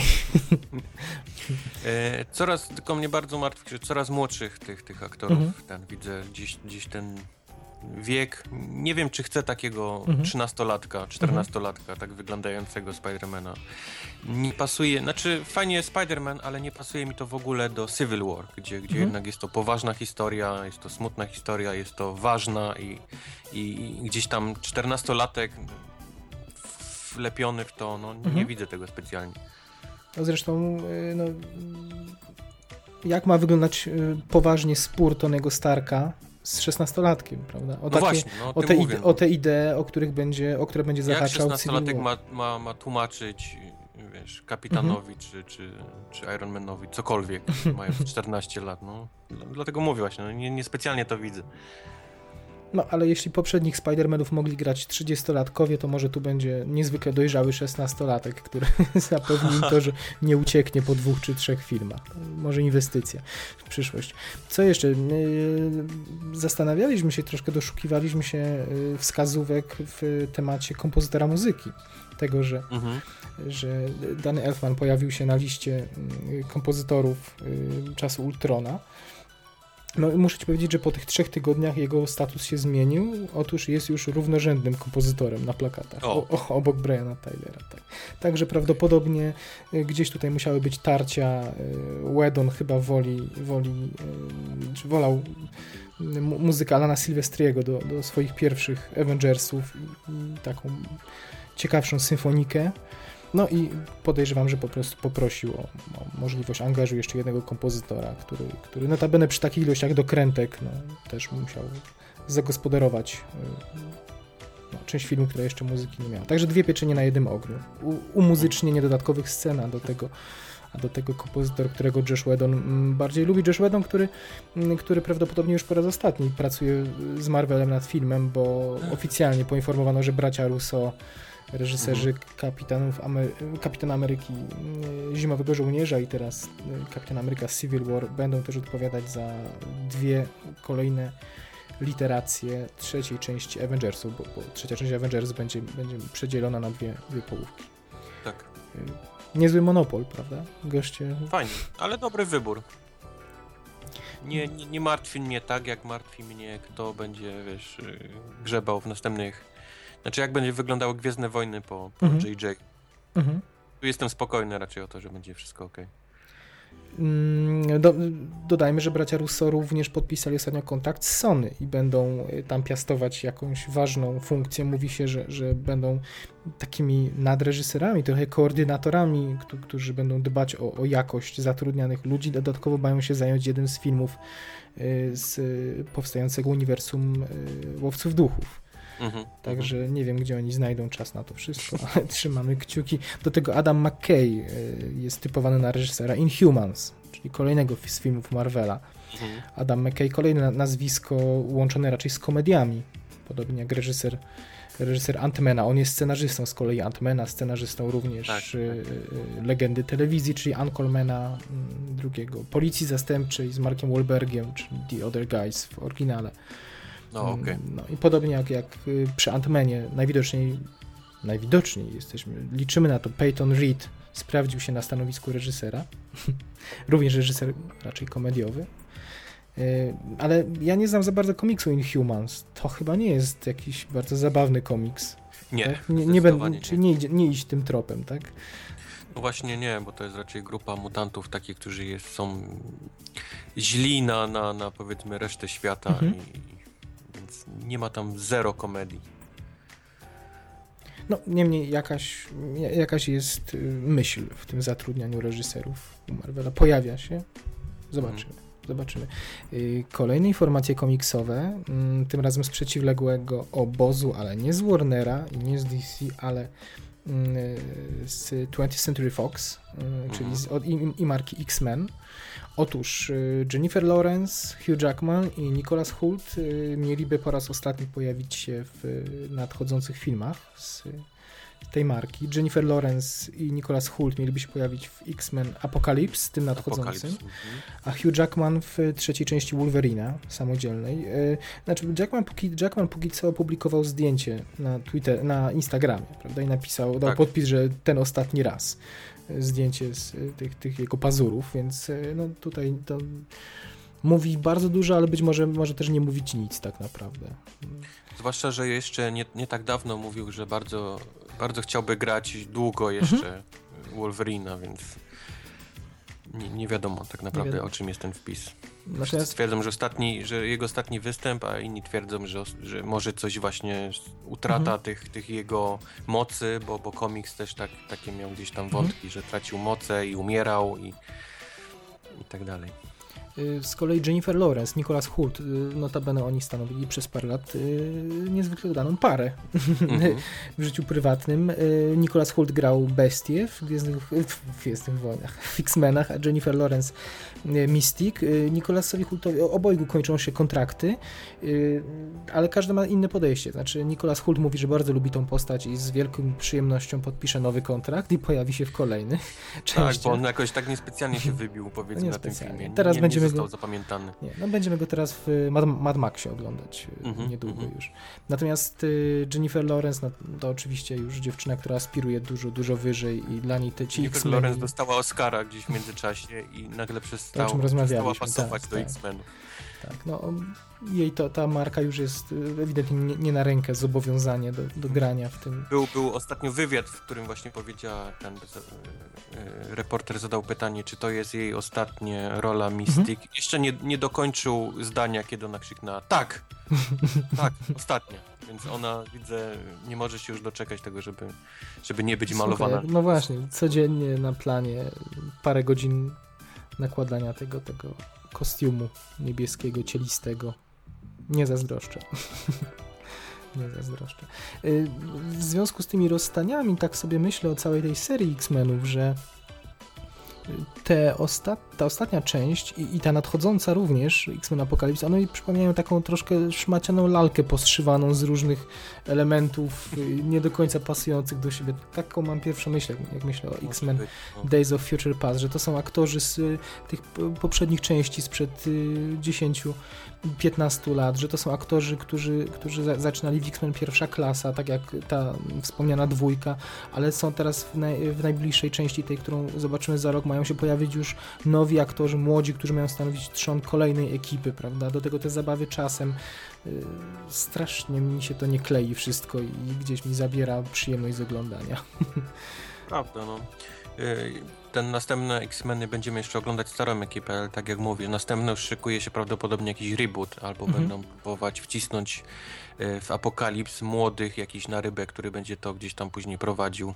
No tak, ogłaszają już ogłaszają castingi, że są już wybrani, czy, czy Cyclops, czy Jubilee, czy, Mhm, czy mhm, młoda. y, Ty, ty mi powiesz nazwisko. y, Sansa, Sansa Stark z Grotron, tak? Będzie grać Jane Grease, zdaje się, tak? Jane. Grey. Mhm, mhm, Tak, mhm. więc kompletują młodych, młodych dzieciaków, którzy będą. A, a, a muszą kręcić, bo inaczej utracą prawa i, i, będą musieli oddać X-Menów Marvelowi, a to w życiu się nie stanie. Oni tego nie wypuszczą tak łatwo. Dokładnie, dokładnie. Tam jest prawdopodobnie ten, ten 5 lat okres, prawda? Że nie mogą, muszą w ciągu 5 lat powracać do marki każdego Tymczasem, a tymczasem właśnie Marvel e, robił siebie straszny retcon i wszystkich mutantów przerabia po kolei na, na Inhumans i, Mhm. i tak walczy z, z Foxem, bo, bo chce, chce zrobić historię, gdzie się okaże, że wszyscy mutanci tak naprawdę są Inhumans Mhm. i wszystkie prawa im przeskoczą z powrotem do, do Marvela. Wow. No. No to ciekawe. To kiedyś ci jeszcze wypytam o to, jak już y, ten retcon będzie miał miejsce, bo to już niebawem, tak? W tym miesiącu, za No miesiąc, no. kiedy to No, już niedługo, w maju się maju. zaczyna. startuje to, to wielkie wydarzenie w komiksach Marvela. Do tego jeszcze wrócimy, bo, bo już raz o tym mówiliśmy, dwa, musielibyśmy kolejną godzinę na to, na to poświęcić. Y, Kończąc nasz kącik komiksowy, y, jeszcze do, zaglądnijmy na drugą stronę barykady do DC i do filmu Superman Batman, ym, Dawn of Justice i Jesse Eisenberg, y, opublikowany bodaj na łamach Hollywood Rep- Reporter. Pierwsze zdjęcie jego jako Lexa Luthora. Okej. Mm, Podobał ci się? Jako Lex Luthor. Eee, nie, Nie podoba ci się? nie, absolutnie nie pasuje. Jest dla mnie e, raz i jego wyglądem. Lex Luthor jest taki, mam wrażenie, bardziej przypakowany, wysoki. A dwa, cały czas widzę go jako takiego aktora komediowego niż, niż, Mhm. niż poważnego faceta, który gdzieś tam e, stoi przez, przez pół dnia gapi się przez okno swojego wieżowca i kombinuje, jak tutaj zabić Supermana. No, w ogóle mi do tego nie pasuje. No ale może pasuje do filmu, no zobaczymy. No, powiedzmy, Lex Luthor to jest taka ikoniczna postać. To jest, y, czy zgrzeszę mówiąc, że to jest taki, tak jak Joker dla, Joker dla Batmana. Batmana. Tak, tak, jest oczywiście, że tak. No. Kimś takim dla Supermana jest Lex Luthor. Mhm. Mm, No, J.C. Eisenberg bardzo długo ukrywał łysinę, bo Lex Luthor jest łysy i wszyscy zastanawiali się po ogłoszeniu tej decyzji castingowej, czy on również zetnie swoje bujne włosy, a ma taką To nie czuprynę. musi być koniecznie, dla mnie przynajmniej łysy. Mhm. Był, byli Lexowie w filmach z Supermanem, którzy nie byli łysi i Mhm. wypadli bardzo dobrze. No tym niemniej tutaj na tym zdjęciu no, widzimy, że zgolił, y, zgolił y, czuprynę i, i y, jakby nie komentował, nie, nie, podjął, nie podjąłbym się wyzwania skomentowania, czy, czy on wygląda dobrze, czy nie, bo zdjęcie jest świetnie zrobione przede wszystkim. Jest y, czarno-białe, jest bardzo ładnie wykadrowane, jest pod takim kątem i taką minę, taką Mhm. przybrał minę, że co najmniej 10 lat mu przybyło na tym zdjęciu. Jest naprawdę takim, takim psychotycznym łysolem. Yy, A on ma przecież urodę raczej takiego aniołka, prawda? Mimo, że gra bardzo introwertyczne postacie, takie, takie Tak. zamknięte w sobie gdzieś. I, i, ale szczerze lubię, lubię jego postaci. No, Mimo, że za każdym razem gra tą samą postać, może trochę tutaj go skrzywdzę to, tym stwierdzeniem, ale żeby nie rozwijać, czy, czy jest yy, w głupiutkiej, ale sympatycznej iluzji, czyli Now You See Me, czy to gra w fantastycznym The Social Network, on gra podobne postaci. Natomiast ja lubię tą, tą jego pozę i, i gdyby taki miał być też Lex Luthor, nieco Nie wycofany, mi do poważnego, dorosłego mężczyzny, absolutnie. no ale gdyby miał... Próbuję sobie przypomnieć teraz ten jego ostatni film, ten o takim jakimś takim, gdzie był magikiem, który próbował coś tam ukraść, nie wiem czy No możesz... to, to, to, to co powiedziałem, czyli iluzja. Iluzja Now You See Iluzja. Me. Tak, Now You See Tak, Me. Now You See Mhm. Me, dokładnie, chodziło mi ten tytuł. I tam, tam też próbuje grać poważnego, takiego jakiegoś magika i, i, i dorosłego mężczyznę, ale ja cały czas widzę w nim takiego chłopaczka, Mhm. młodego, który teraz dopiero dorasta, wiesz, jeszcze nie jest mężczyzną, ale gdzieś tam jest pomiędzy. I, i, i on ma być Lexem Luthorem, no... Hmm. Nie wiem, nie wiem, ja, nie, nie, mi nie pasuje. Powinien być dorosły mężczyzna, powiedzmy już taki, wiesz, Vin Diesel z 40. Łysoli, tak? Vin Diesel. Vin Diesel, tak, tak. Nie, dla mnie nie musi być łysy. Wiadomo, że on jest ikonicznie łysy, bo w wszystkich komiksach jest Mhm. łysy, ale no. Dla mnie niekoniecznie musi być, musi mieć tą w, w, czuprynę wygoloną. Jasne, jasne. No, niemniej w filmach komiksowych, y, jeśli coś zaskakuje, to zazwyczaj to są te y, czarne charaktery. Nie mówię o Marvela, ale o DC na przykład. Tak, to są zawsze. Mhm. Większy nacisk był kładziony, kładziony na te postaci, więc, więc y, no, wierzę, że tutaj ta decyzja nie jest w ciemno, tylko, tylko będzie fajnie. Mm, Kończymy z tematami komiksowymi, ale pozostajemy w y, ściśle popkulturowej tematyce i y, reżyserze, który, który jest jednym z najbardziej uwielbianych przez geeków, przez wielbicieli popkultury, czyli Guillermo del Toro i Mhm. jego Crimson Peak. Wiem, że Mhm. bardzo czekasz na ten horror. Czekam. Y, Oj, Zwiastun zaostrzył apetyt. Mm, do tego Jessica Chastain, do tego Tom Hiddleston, czyli Loki wspomniany właśnie. wcześniej. Jessica Chastain nie będzie mówić w czym gra, bo gra w każdym filmie, jaki się ukazuje w kinach. Y, Gra we wszystkim. Mm, Stephen King widział już na prywatnym pokazie razem ze swoim synem. Y, Sobie nie ma co komentować. No, wypowiadają się w samych superlatywach. Mówią, że to najstraszniejszy film, jaki widzieli. Ulala. Ale miło usłyszeć i przeczytać na Twitterze od takiej postaci y, takie słowa, myślę. Szczególnie, że, że właśnie Guillermo podejrzewam darzy ogromnym uwielbieniem tego, tego pisarza. No, Mhm. czekamy, czekamy. Kiedy premiera? W y, październiku? Eee, połowa października, tak. I w IMAXach, co się nieczęsto zdarza, żeby horror był prezentowany w IMAXie. Mhm. Ale tutaj no, sama scenografia upiornego domu wiktoriańskiego, myślę, że, że no, będzie, będzie można do, docenić na tak ogromnym ekranie. Widzę całą salę kinową nastolatek piszczących. Do Za Toma, każdym razem, tak? gdy Tom Bez koszulki będzie chodził, bo tam Tak. Oj mój Boże. czekamy.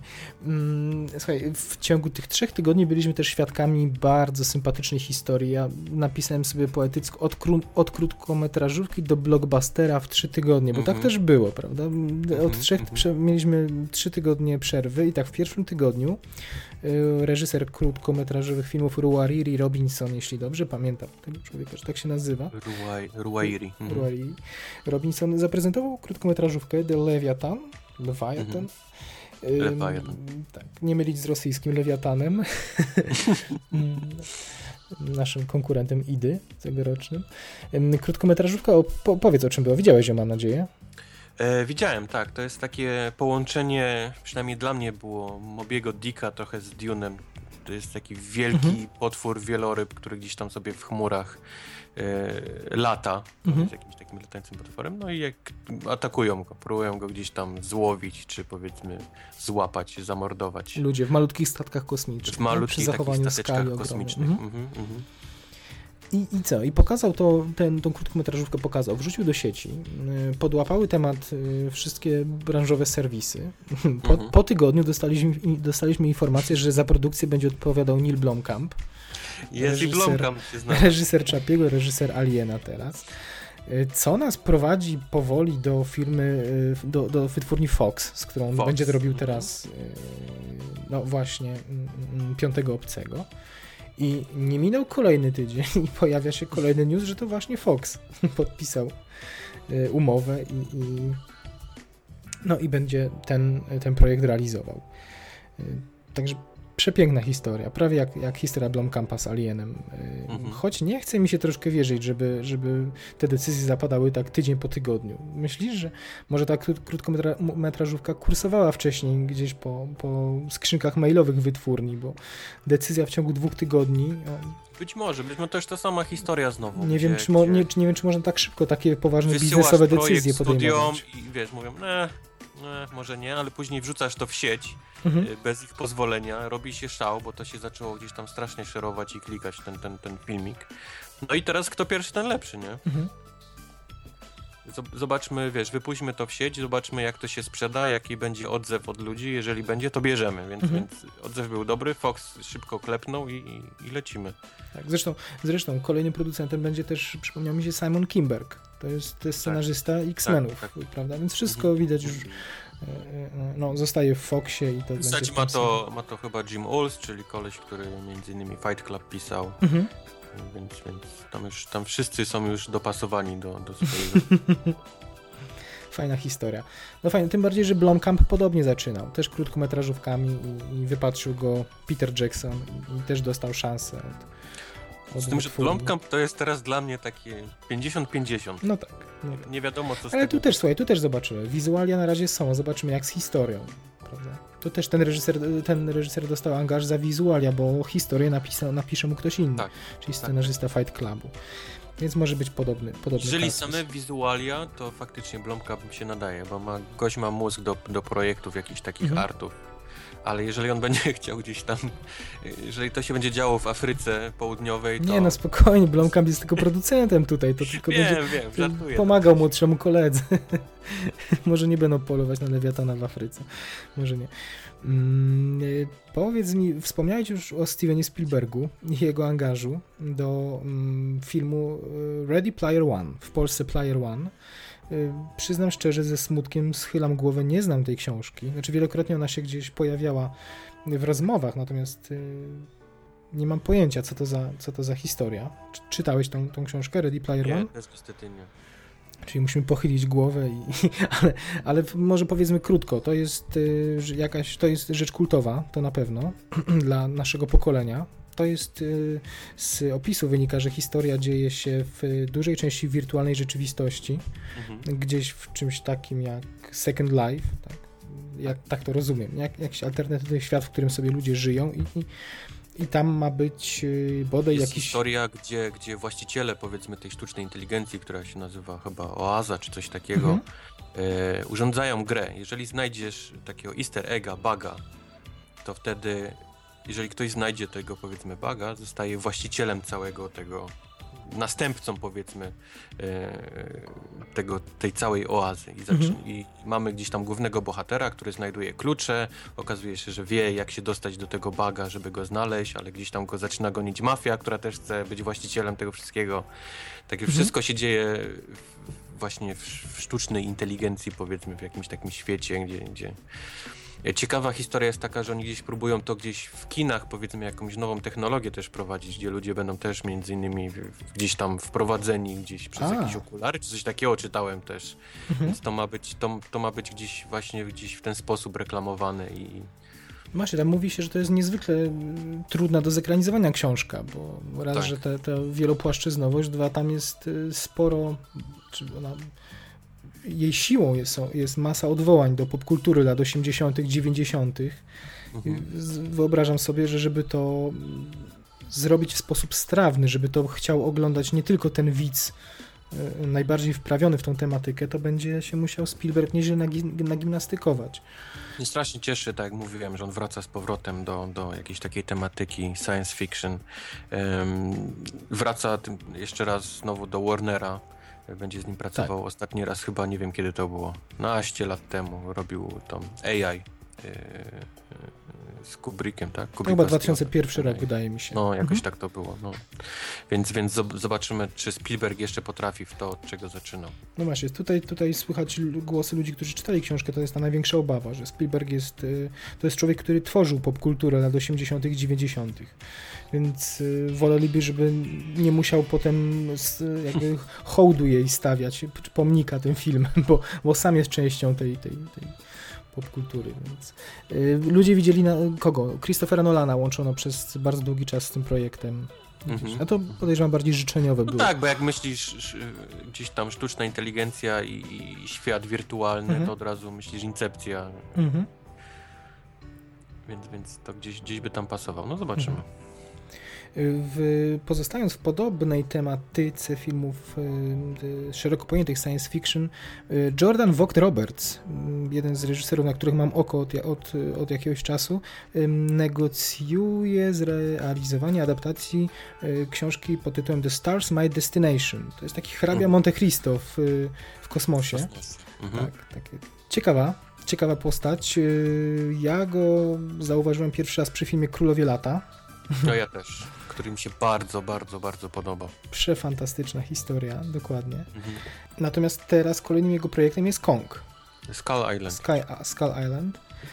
Mm, to mamy kolejny angaż reżysera komediowego, który dostaje ogromne pieniądze i ma zrobić wielkie, wielkie Może, widowiska. może powinniśmy przestać ich szufladkować, może oni wiesz, nie chcą być e, łączeni, wiesz, że zrobił komedię i teraz już jest komediowym Mhm. na zawsze. Że on ma większe ambicje, wiesz, tylko nie miał możliwości wcześniej. Musiał od czegoś zacząć. Nie wiem, to było- schemat jest powtarzalny, bo Królowie Lata to była taka sendensowa komedia za bardzo niewielkie pieniądze i, ko, Czy kolejne... to była komedia?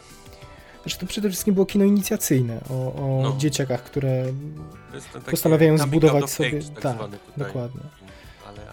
Nie widziałem tam nic specjalnie śmiesznego. Tam był taki bardzo dziwny. Nie, faktycznie był ten koleś, ten taki. w, pół Włoch, prawda? Taki Pół Włoch, tak. dziwny m- metr. Tak, tak, tak, tak, faktycznie. w zasadzie bez płci określonej, bo tam dosyć mocno żartowali z tej jego nieokreślonej. Do tego ojciec był zabawny tam, z tego co pamiętam.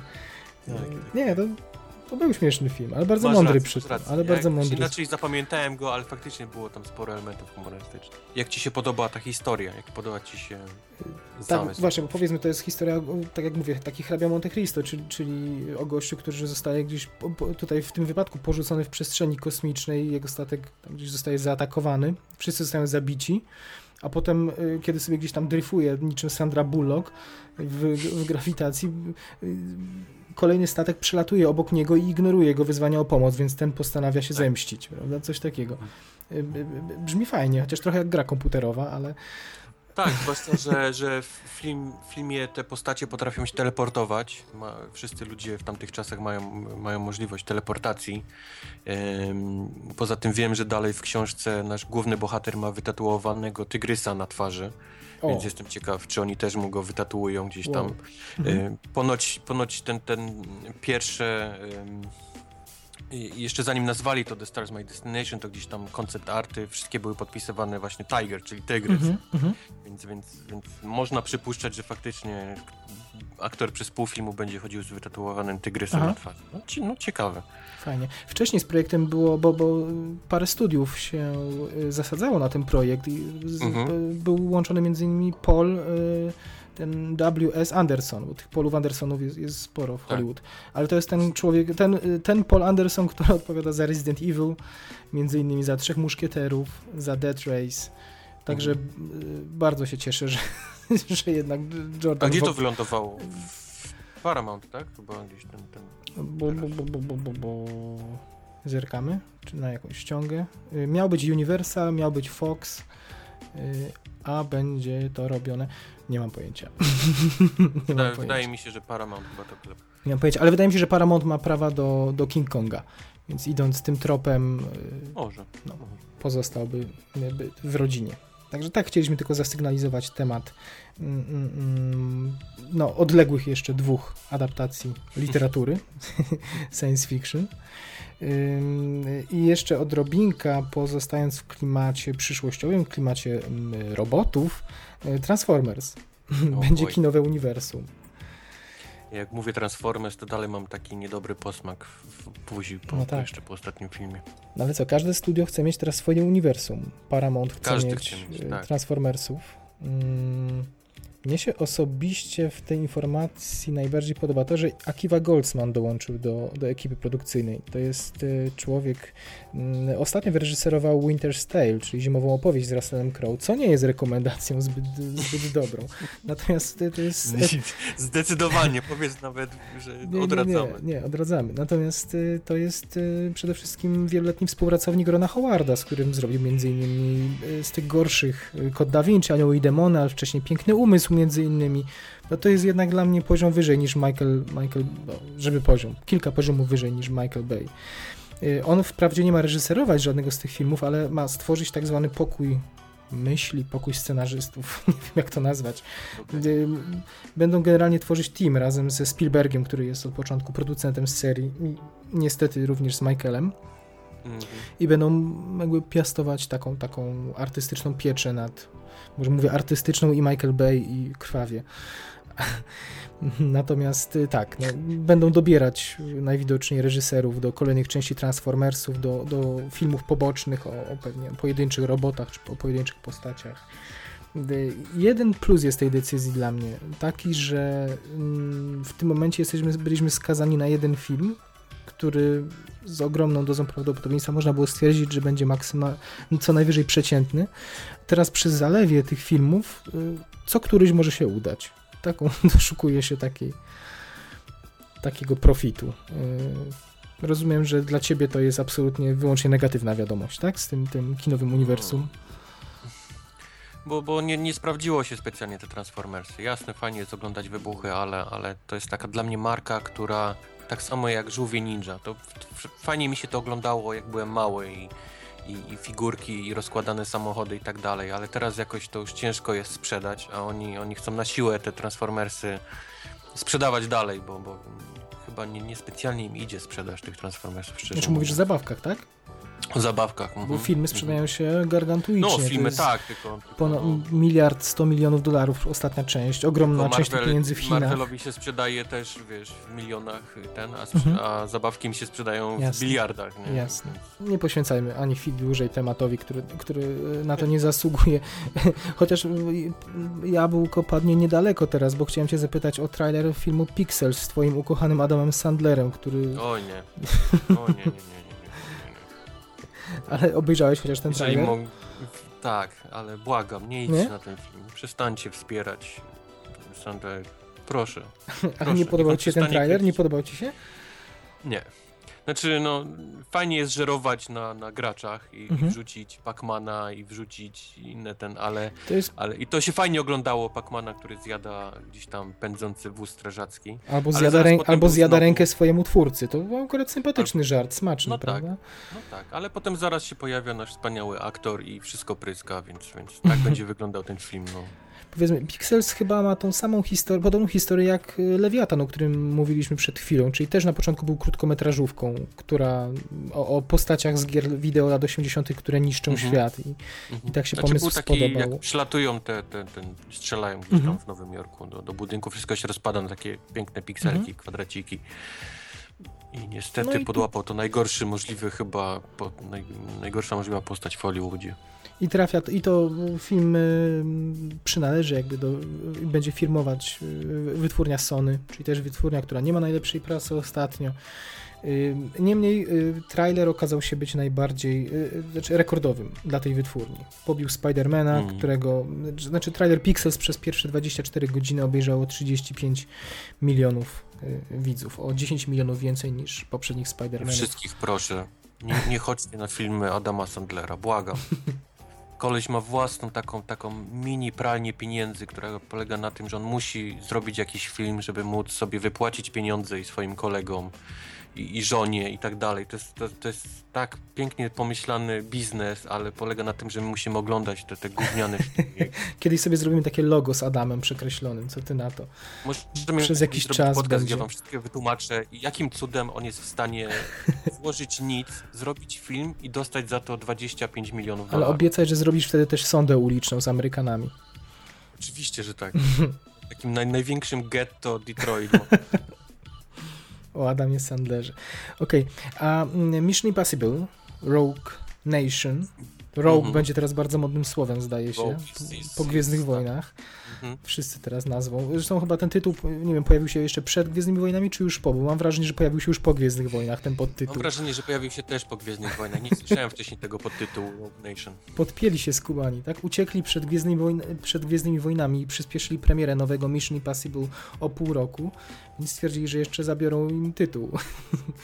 Że Wojen. nie wymyśliliśmy nazwy naszego podcastu trochę później, bo na pewno byśmy nazywali gdzieś tam After the Rogue Credits albo... Nie, my jesteśmy oryginalni. W przeciwieństwie do Toma Cruza. Nie wiem, podobał Ci się ten film, ten trailer Mission Impossible, y, który opublikowano parę dni temu? Jest mega głupi, ale wydaje mi się, że taki powinien być Mission Impossible. Tak, takie przynajmniej jest moje wrażenie o, te, o tej marce. Mhm. On próbował gdzieś tam się zmienić, te pierwsze parę filmów próbował być poważnych, ale ja dalej widzę gdzieś ten serial z lat 80., który był totalnie głupi, bo to był w stylu drużyny A, gdzie oni gdzieś tam wymyślali strasznie głupie rzeczy, żeby gdzieś coś wykraść. I, i, I mam wrażenie, że on wrócił w ostatnich filmach do tej głupoty takiej, właśnie wspinanie się po to- najwyższym budynku świata. Już na którymś poprzednim, poprzednim nagraniu, roz, jak rozmawialiśmy, to bo ja nie byłbym aż tak krytyczny, bo tak faktycznie pierwsza część Briana De Palmy to było poważne kino szpiegowskie, każdy Tak. mógł być, by- każdy był nie tym, za kogo się podawał i tak dalej, i tak dalej. Prawda? Przyjaciele okazywali się wrogami, ludzie ściągali maski okazywali, i tak dalej, i tak dalej. No, Poważne kino. Dla mnie był zbyt poważny, znaczy nie pasował. Nie pasowało zdecydowanie do nazywać serialu. Jasne, jasne. Druga część to, to była też naznaczona piętnem reżysera, bo zrobił ją John Woo, więc była tak bardzo przeładowana akcją, że była aż nudna. Do tego wszechobecny slow motion, gołębie w slow motion, wzlatujące w niebo białe, jak to u Johna Woo i tak dalej, i tak dalej. No ale też miał jakiś pomysł. Trzecia część J.J. Abrams, taka już dużo technologii a la Bond, na poważnie, z, z poważnym, czarnym charakterem. Z kolei Brad Bird w czwartej części reżyser i nie ma mocnych, yy, generalnie raczej komediowy reżyser. Znowu wracamy do tego wątku. I to już była, też rozmawialiśmy już o tym, to prawie parodia. Jeszcze nie parodia, ale niemal parodia kina szpiegowskiego. Bardzo zabawny film, mnie, mnie śmieszyło, śmieszył mnie bardzo ten, ten film. Natomiast ludzie, którzy nie wyłapali tego, że to jest, to jest zgrywa, jednak uważali właśnie za, za, no, a, a za absurdalny ten film. Y, Natomiast ten, ta piąta część, za którą odpowiada Christopher McQuire, mm, to jest człowiek, z który, który poznał się z y, Tomem Cruzem na planie e, niechże sobie przypomnę, taki film był Jack Reacher. Jack Reacher. Tak, Mhm. jednym strzałem. Najwidoczniej panowie się polubili. Y, Tym bardziej, że pisał też scenariusz do Edge of Tomorrow z, y, właśnie z rzeczonym Tomem Cruzem. Filmu Mhm. sprzed, sprzed roku. Nie wiadomo do której wersji, bo śmialiśmy się, że ten film był przerabiany tysiąc razy. Tym niemniej, no, ta filmografia taka trochę bez charakteru Christophera McQuarrie'a i ten trailer też taki dla mnie trochę bez charakteru. Wszystkiego, czuć, czuć, że budżet jest mniejszy. Ta jedyna taka widowiskowa scena z tym samolotem na końcu wygląda dosyć, dosyć tanio y, i taką nieudol, nieudolną próbą przeskoczenia. Co jeszcze możemy zrobić, tak? Jeśli No ale jak pomyślisz, że Tom Cruise robi wszystkie swoje stancy, No tak, i, i pomyśleli, pewnie tak sobie pomyśleli, co jeszcze możemy zrobić? Skoro sam latał po najwyższym budynku świata na linię, to co może zrobić? No to puśćmy go, przyczepmy go do drzwi i niech leci u boku samolotu. Tak? nie wiem, mnie, mnie to bawi właśnie ta głupota. Mam wrażenie, Mhm. że ten film jest głupszy, tym będzie lepszy, Nie, niż, ten sam- jak będzie na tym- próbował być poważnym filmem, gdzie będzie Słuchaj, próbował być y. Jamesem Bondem. Znaczy ja na ten samolot też czekam, ale to najfajniejsza rzecz, tam reszta tego zwiastunu, nie podoba ani historia, nie, nie wydaje się ciekawa, ani aktorzy, którzy, którzy tam, no poza Simonem Peggiem, którzy tam się pojawiają. Nie wiem, rzadko to mówię, bo zazwyczaj duże pokłady nadziei i kredyt zaufania mam do filmów, a tutaj ten zwiastun jest no, tak totalnie letni pozostawił. Nie wiem, nie wiem, mi się podoba serowatość jego, te takie sceny, Mhm. gdzie on wisi, za ręce jest przypięty łańcuchem gdzieś w jakimś lochu.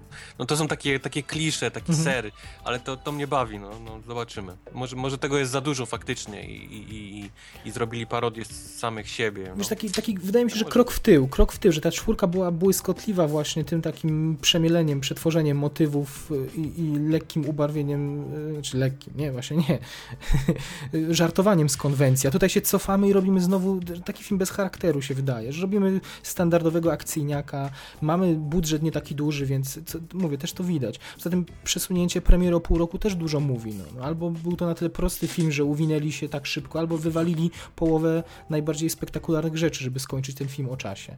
Zresztą pojawiły się też informacje, że oni nie mają zakończenia jeszcze. Tam, że, że dopiero kręcili teraz, w ostatnich dwóch tygodniach końcówkę, a film wchodzi 6 lipca do kin. Hello. Masakra jakaś, no. Szukasz jeszcze jakieś skromne kino moralnego niepokoju, takie będzie. Tak, tak, masz rację, no. No pójdę, ale bez większych, bez większych emocji. Natomiast emocje wzbudził we mnie Mad Max. Fury Ojej. Road. O mój Boże. Jak ci się podobał ostatni trailer? Żonglują emocjami w kolejnych Ojej, zapowiedziach. To jest, to jest taki zwiastun, gdzie jakbyś wyciągnął gifa z jakiejkolwiek sekundy, Mhm. to jest po prostu dzieło sztuki. To jest coś niesamowitego, jak, jak wygląda ten film. Jak brzmi, bo za, każdy, Tak. każdy ten zwiastun jest z muzyką klasyczną, taką, wiesz, och, W, w tym nowym zwiastunie y, nie dopatrzyłem się ani grama fabuły. Czy oni konsekwentnie pokazują, to są 2,5 minuty po E, prostu jednej Tak, wielkiej... to jest chyba, to jest któryś zwiastun, gdzie oni po prostu jadą pustynią. Więc, więc też jestem ciekawy, co tam jest fabułą, ale no, Nie mam, nie absolutnie, zwracać. nie mam absolutnie nic do tego. Ten film nie może być bez fabuły. Już przy poprzedniej rozmowie mówiłem, że wystarczy mi tu dobre 3D i niech mnie przez dwie godziny epatują takimi scenami w burzy piaskowej, gdzieś latania na, między, między skałami na pustyni. Mm, Jestem, jestem bardzo ciekaw, bo, bo, bo faktycznie pokazują, tak jak mówię, ten, ten cały taki pościg, gdzie ktoś kogoś ściga takim konwojem pojazdów tych, tych dziwnych, ale są też, są też takie dziwne ujęcia, gdzie e, Scarlett Johansson chyba gdzieś tam na kolanach e, klęczy i krzyczy. Miałeś na myśli Charlize Theron. E, Charlie Theron, przepraszam. Proszę bardzo. gdzieś tam krzyczy, Mhm. więc coś, coś się dzieje, nie, nie, wiadomo. Może i samochód zabrali, albo zepsuli, albo odpadła z wyścigu i krzyczy. Może, może, może. W każdym razie ta scena, gdzie, gdzie pyta się go, jak, ma, jak Mad Max ma na imię i on robi taki, taki uśmieszek i widać, że już zaczyna mówić, ale wtedy się pojawia logo filmu, takie tu, tu, Mad Max. Jest coś pięknego, ktoś to pięknie pociął i wymyślił. No, ja nie, nie, mogę się, nie mogę się doczekać. Super. No będzie, będzie perła na pewno, na pewno wizualna.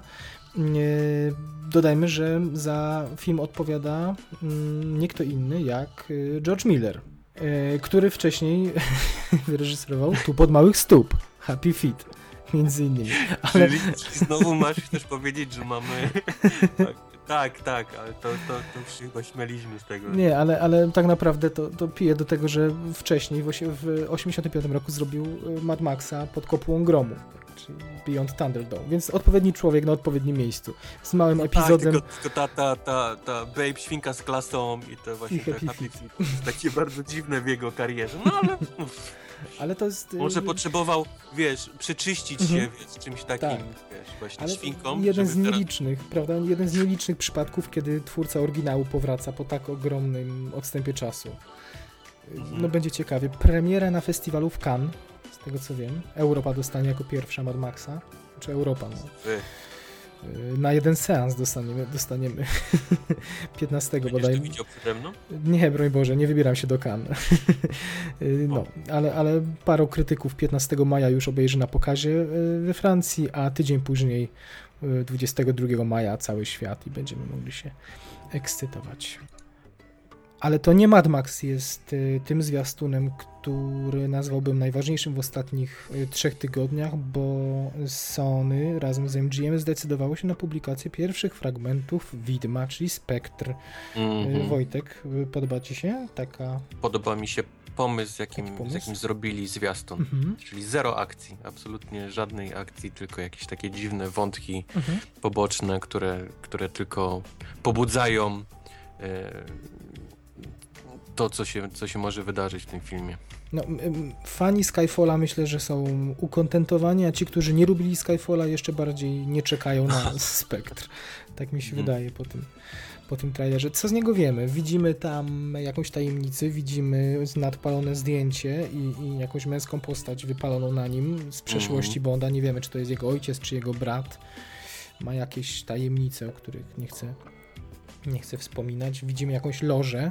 To, to Przede wszystkim mamy podejrzenia, czy przypadkiem Bond nie, nie trafił, nie jest jednym z członków teraz Spectrum, bo tak Mhm. też ludzie gdzieś tam y, albo, ich, albo ich od środka próbuje, albo rzeczywiście Mhm. trafił do nich. Oni próbują gdzieś z Bonda zrobić teraz złego gościa może. Kto Mhm. wie? No. Yy, ekipa jest w tym momencie w Meksyku. Kręci yy, scenę początkową. Wiemy, Tak. że film będzie się otwierał yy, 12-15 minutową sceną, tą przed, przed czołówką, tak jak to już jest Strasznie długo Bonda. kręcą w tym Meksyku. Oni w tym Meksyku są już chyba od nie wiadomo od miesiąca, jeżeli dobrze widzę zdjęcia cały czas tego Meksyku przychodzące. Więc ja nie wiem, czy oni coś dogrywają, czy cały czas. Nie, ten- nie, nie, nie, nie. Nie, tam y, to może widzisz doniesienia z Meksyku, bo, bo y, pojawiały się. Y, scena jest kręcona od fakt od jakiegoś czasu, natomiast doniesienia pojawiają się już, już dużo wcześniej pojawiły się, bo oto Meksyk zapłacił 20 milionów dolarów, żeby No się tak, znaleźć w tak, ogóle w tak. tym filmie. I to jeszcze nie jest nic złego, nie? Natomiast to, że oni zapłacili, do, y, oczywiście to zdementowano potem, ale, ale mm, y, no, plotki się pojawiły takie, że oni te, w, w tym dealu za 20 milionów baniek jest między innymi to, że ten Meksyk będzie pokazany w sposób pozytywny, że tam nie będzie czarnego charakteru z Meksyku, że będzie pokazana policja jako skutecznie działająca. Więc to już nie jest tak przyzwoite, bo, bo No samo, samo płacenie za to, żeby się jakiś kraj pojawił w filmie, nie widzę w tym nic złego. Mm, No na pewno ten, ten Meksyk będzie pokazany, to nie będą przedmieścia Juarez z kobietami leżącymi przy drodze, tylko to będzie wielka parada na święto zmarłych, tysiące statystów i gdzieś tam James Bond uwieszony helikoptera i walczący z e, przeciwnikiem. I z tego, co, co e, informacje, co informatorzy donoszą, ten przeciwnik nazywa się Schiara, czyli tak nazywała się bohaterka Moniki Bellucci jeszcze parę miesięcy temu w Mhm. oficjalnych materiałach, teraz już nazywa się y, jakiś przeciwnik, którego gra aktor włoskiego pochodzenia. Więc widać, oni będą żonglować do samego końca tymi tożsamościami. Nie, nie zdziwię się, jeśli to nie y, finalnie nie, nie Christoph Waltz okaże się mm, y, szefem tego całego widma, Blofeldem. Prawda? Oberhauser. Tylko, tak, tylko na przykład Andrew Scott okaże się i będzie takim głównym złym na, na całą serię, na kolejne filmy, bo jest młodym chłopakiem. Byle, byle James Bond nie robił sobie tequili wstrząśniętej, niemieszanej wiesz, w pierwszych 15 minutach, to wszystko będzie ok. Także czekamy. Czekamy. I trailer fajny, scena otwierająca zapowiada się fajnie, wszystko fajnie, tylko premiera już za pół roku, tak? Mniej więcej za pół roku, w listopadzie, w listopadzie chyba, 6 no. listopada. No niech się uwijają szybko. Widać, że, że ten film praktycznie będzie pozbawiony efektów komputerowych, bo nie byliby w stanie ich stworzyć. Wszystko wysadzają na planie w naturalnych dekoracjach, żeby tylko potem zmontować na szybko i wprowadzić do kin. Tak też się da. No. E, Ostatnim newsem, o którym chcemy powiedzieć przed przejściem do po, tak zwanych polecanek, czyli premier, na które chcemy wam zwrócić uwagę, jest news, który się niejako wiąże z pierwszą premierą, bo oto Disney zapowiada inwazję aktorskich wersji swoich animacji. Wojtek, czy ty lubisz aktorskie wersje animacji od Disneya, czy nie przepadasz? Chyba nie, niekoniecznie. Ale ostatnio leciał, w ostatnią sobotę leciał Saturday Night Live, w którym główny udział brał Mhm. e, The Rock. I jest tam bardzo fajny jeden sketch, w którym gra w którym gra tą em, sarenkę. Bambiego. E, Bambiego. Tak. I jest przerobiony na to, że Bambi jest takim wielkim gościem, mięśniakiem i się mści za śmierć mamy. Więc jeżeli, jeżeli tylko tak będą wyglądały, to nie mam problemu z tym. Powiedzmy co Disney planuje. Planuje aktorską wersję Dumbo, co jest Tak. dziwaczne, za którą będzie odpowiadał widzę. Tim Burton. Tu, tutaj widzę aktora z tymi wielkimi uszami do, dołączonymi trąbą. Wczoraj zapowiedzieli aktorską wersję Mulan, Mulan. co mhm. jest sympatyczne w miarę. To okej, to jeszcze Okej. widzę gdzieś. Na Piękną i Bestię nie za bardzo, jestem chętny, Niekoniecznie. a też będzie. W Pięknej Mhm. Bestii, ale nasza ukochana Emma Watson ma się pojawić. No tak, no. Emma Thompson y, w drugim planie. y, Tym y, be- bestią chyba będzie z kolei Dan Stevens. To jest człowiek, Tak. który, który między innymi w gościu ubiegłorocznym, tak bardzo Mhm. lubianym przez ciebie, pojawił się. On ma takie piękne oczy, on będzie pasował. Będzie pasował. Mm, No na pewno zarabiają na tym pieniądze. Nie jest to w żaden sposób odkrywcze, jak tak jeszcze parę lat temu, jak mówiłeś adaptacja jakiejś baśni, to od razu myślałeś o jakiejś parodii Królewny Śnieżki, Siedmiu Krasnoludków, albo czymś, połączeniem animacji z filmem, filmem aktorskim, bo też tego Disney próbował jakieś 10 lat temu, a teraz widać, że idą bardzo konserwatywnie, jeszcze wyrzucają piosen piosenki z tych filmów i, Mhm. i robią tak, odzierają to, to muzy- z musicalowości te bajki, wsadzają aktorów i, i takie filmy dostajemy. Y, Począwszy od Alicji w Krainie Czarów od Tima Bartona parę lat temu, y, Czarownicy ubiegłorocznej i, teraz y, tegorocznego Kopciuszka, do którego tak płynnie przejdziemy może, którego nie widziałeś o y, finalnie, widziałem, tak? Nie niestety. widziałeś. Nie widziałeś. Mm, Troszkę z obowiązku poszedłem na Kopciuszka i miło się, miło się rozczarowałem. Kenneth Branagh, reżyser ostatnio pierwszego Tora na przykład, albo Tak. Jacka Ryana, teorii, y, teoria spisku. To tak? trochę Jack gorzej. Ryan, to trochę gorzej. Mm, y, ale znany głównie z adaptacji szekspirowskich. I ten wątek szekspirowski w Kopciuszku o dziwo się pojawia, bo byłem strasznie zszokowany, czytając y, tą baśń Zapacholęcia. Jakoś jak czytałeś o śmierci rodziców, o tym jak traktują tą dziewczynkę, to spływało to po mnie. Tak papier więcej przyjmie, ale jak oglądam na ekranie to, jak bardzo się, jak, jak, pomiatają tą młodą dziewczyną siostry, czy jak y, słyszę, że umarł jej ojciec, umarła matka, potem ktoś jeszcze umarł, to to jest taki ładunek y, emocji dla tych dzieciaków, y, że ja nie wiem, czy nie za duży, bo byłem w szoku, więc trochę, trochę się nie dziwię, że zatrudniono tutaj reżysera szekspirowskiego, który, jak wiem, Szekspir takimi tam, tematami się też w jakimś sensie lubuje, bardzo generalizując oczywiście. Ym, Piękny film wizualnie, kostiumy, ym, scenografia na, na najwyższym poziomie, wszystko, mało komputera, wszystko zbudowane, uszyte ym, po Bożemu i, i od kilkukrotnych y, laureatów Oscara, więc myślę, że Kopciuszek będzie kosił te, te nominacje, tak jak, tak jak w tym roku Grand Budapest Hotel był bezkonkurencyjny w, technicz, w technicznych rzeczach, tak tutaj Kopciuszek może, może się pokusić o, o dominację. Tak, muzyka Patryka Doyla również, y, również polecam, znakomity. Trochę Mickey Mousing, takie disneyowskie granie, ale bardzo ładne i parę scen y, bardzo dobrze podkręca.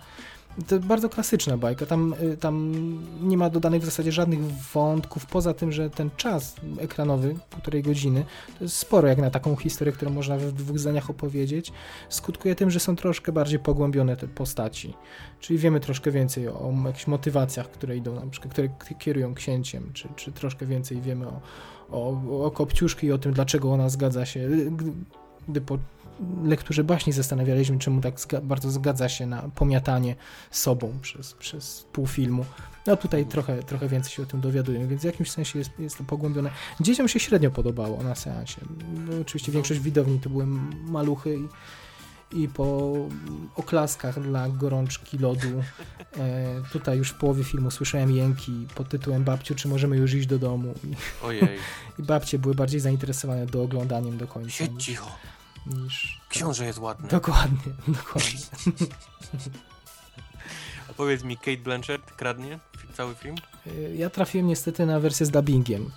Więc ciężko, no, musiałem, to mówię, musiałem w ten konkretny dzień obejrzeć, a niestety wersja z y, napisami była tylko jedna wieczorem, musiałem to obejrzeć wcześniej, więc dubbing troszkę zabija przyjemność z, z podziwiania jakby kreacji, ale zdecydowanie, zdecydowanie, no nie jest, nie, ona na pewno nie jest przerysowana. I to nie jest takie, Mhm. takie granie właśnie przesadzone, tylko na tyle, na ile może być taka twardo ciosana z drewna, baśniowa postać, no, zbudowana jakoś psychologicznie, to, to są tutaj elementy y, fajne, w których, w których Blanchett pokazała, pokazała jakąś swoją y, kreatywność tej postaci. No bo, bo, bo ta macocha, ona, ona też ma jakąś tam przeszłość za sobą, zanim trafia do tego domu i mówię, no jest zbudowana trochę bardziej wielowymiarowo niż, niż na kartach książki, więc bardzo fajne. Okej. Strasznie fajny ma epizod Helena Bonham Carter jako wróżka. Średnio, średnio ją lubię, a tutaj w tych, w tych scenach nielicznych, w których się pojawia, mm, no, bardzo fajne. Także polecamy. na, Okej. be, na bezrybiu proszę iść na kopciuszka, szczególnie jeśli ktoś ma dzieciaki mm, starsze. No ale to właśnie dzieciaki Starsze, dzieciaki? starsze. Starsze dzieciaki. starsze dzieciaki, tak, tak. To jest Okej. Coś, co może się spodobać. Mm, A teraz pomówmy coś, co dla dzieciaków na pewno, co film dla dzieciaków na pewno nie jest. Oj. Film pod tytułem It Follows, coś za mną chodzi. Byłeś, Mhm. wspominałeś już o, już o w, przepraszam, wspominałeś już o nim na pierwszym nagraniu, na podsumowaniu roku, że, że Tak. czekamy, to jest jeden z filmów, Tak, na tak, które tak, czekamy. tak, tak. On gdzieś się poruszał w, tej, tej festiwalow, w tym festiwalowym obiegu. Mm, Pojawiał się już w zeszłym roku, był w Polsce pokazywany na mm, American Film Festival we Wrocławiu. Yy, No i w końcu dotarł do kin yy, zarówno amerykańskich, jak i, Dotarł polskich. bardzo, bardzo ograniczonej. Ilości kopii na początku, kopii. na początku, bo Mhm. po dwóch tygodniach sprawdzałem, ma już teraz ponad tysiąc, wyobraź sobie. Tak. Poszerzyli, tak, tak. poszerzyli, chyba się spodobało. Wojtek, no i powiedz czym, yy, bo ja już mam odpowiedź, ale chciałbym usłyszeć twoją. po pierwsze, czy ci się podobało i dlaczego polecamy, dlaczego będziemy się ekscytować horrorem, czyli gatunkiem, który nas obu nie szczególnie. Ja właśnie muszę na początku powiedzieć, że wręcz nie znoszę horrorów Mhm. i nie chodzę do kina. Po ostatnim Babadoku powiedziałem sobie nigdy więcej. Nie, nie, nikt mnie nie przekona, chociażby to miało nie wiem jakie Oscary wygrywać i tak dalej, i tak dalej. To jest ta, ta adrenalina, która niektórych tam powiedzmy jara. Mhm. To jest tych, mnie absolutnie na odwrót, wręcz jestem zdenerwowany, jestem zły i tak dalej, i tak dalej. Tak muszę powiedzieć, że mi się podobał bardzo It Follows. Bardzo, bardzo, bardzo, bardzo. No, ale to może dzięki temu, że takiego nie ma w tym filmie straszenia tego takiego bu, czy Mhm. przecierania e, lustra od szafki w łazience, gdzie nagle ktoś za tą takich rzeczy brakuje. Mo, może właśnie dlatego. Mhm. Nie, nie miałem takich akcji, że musiałem gdzieś tam odwracać wzrok, czy, czy wręcz na komórce. No nie, w kinie nie, nie włączam komórki, ale, ale, Bo- ale wiesz bo- o czym mówię. Tak, bo opowiedzmy o czym, mm, o, o czym ten film jest. Y, Horrory w ostatnich latach to były albo nawiedzone domy, przyznaj, Tak.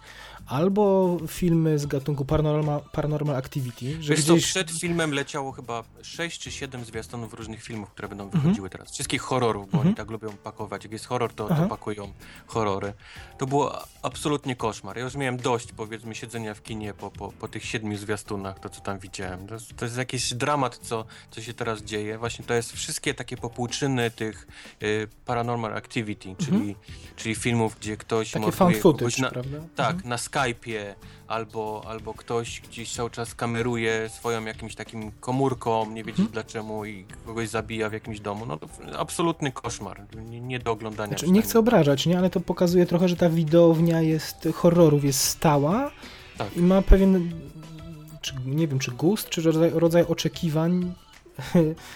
No, niezbyt wysoko przesunięty. No, skoro wprowadza się dziesiąty taki sam film i ta stała grupa idzie, te filmy Idzie faktycznie nie zarabiają, horrory nie zarabiają kokosów, ale też nie, zazwyczaj nie kosztują dużo.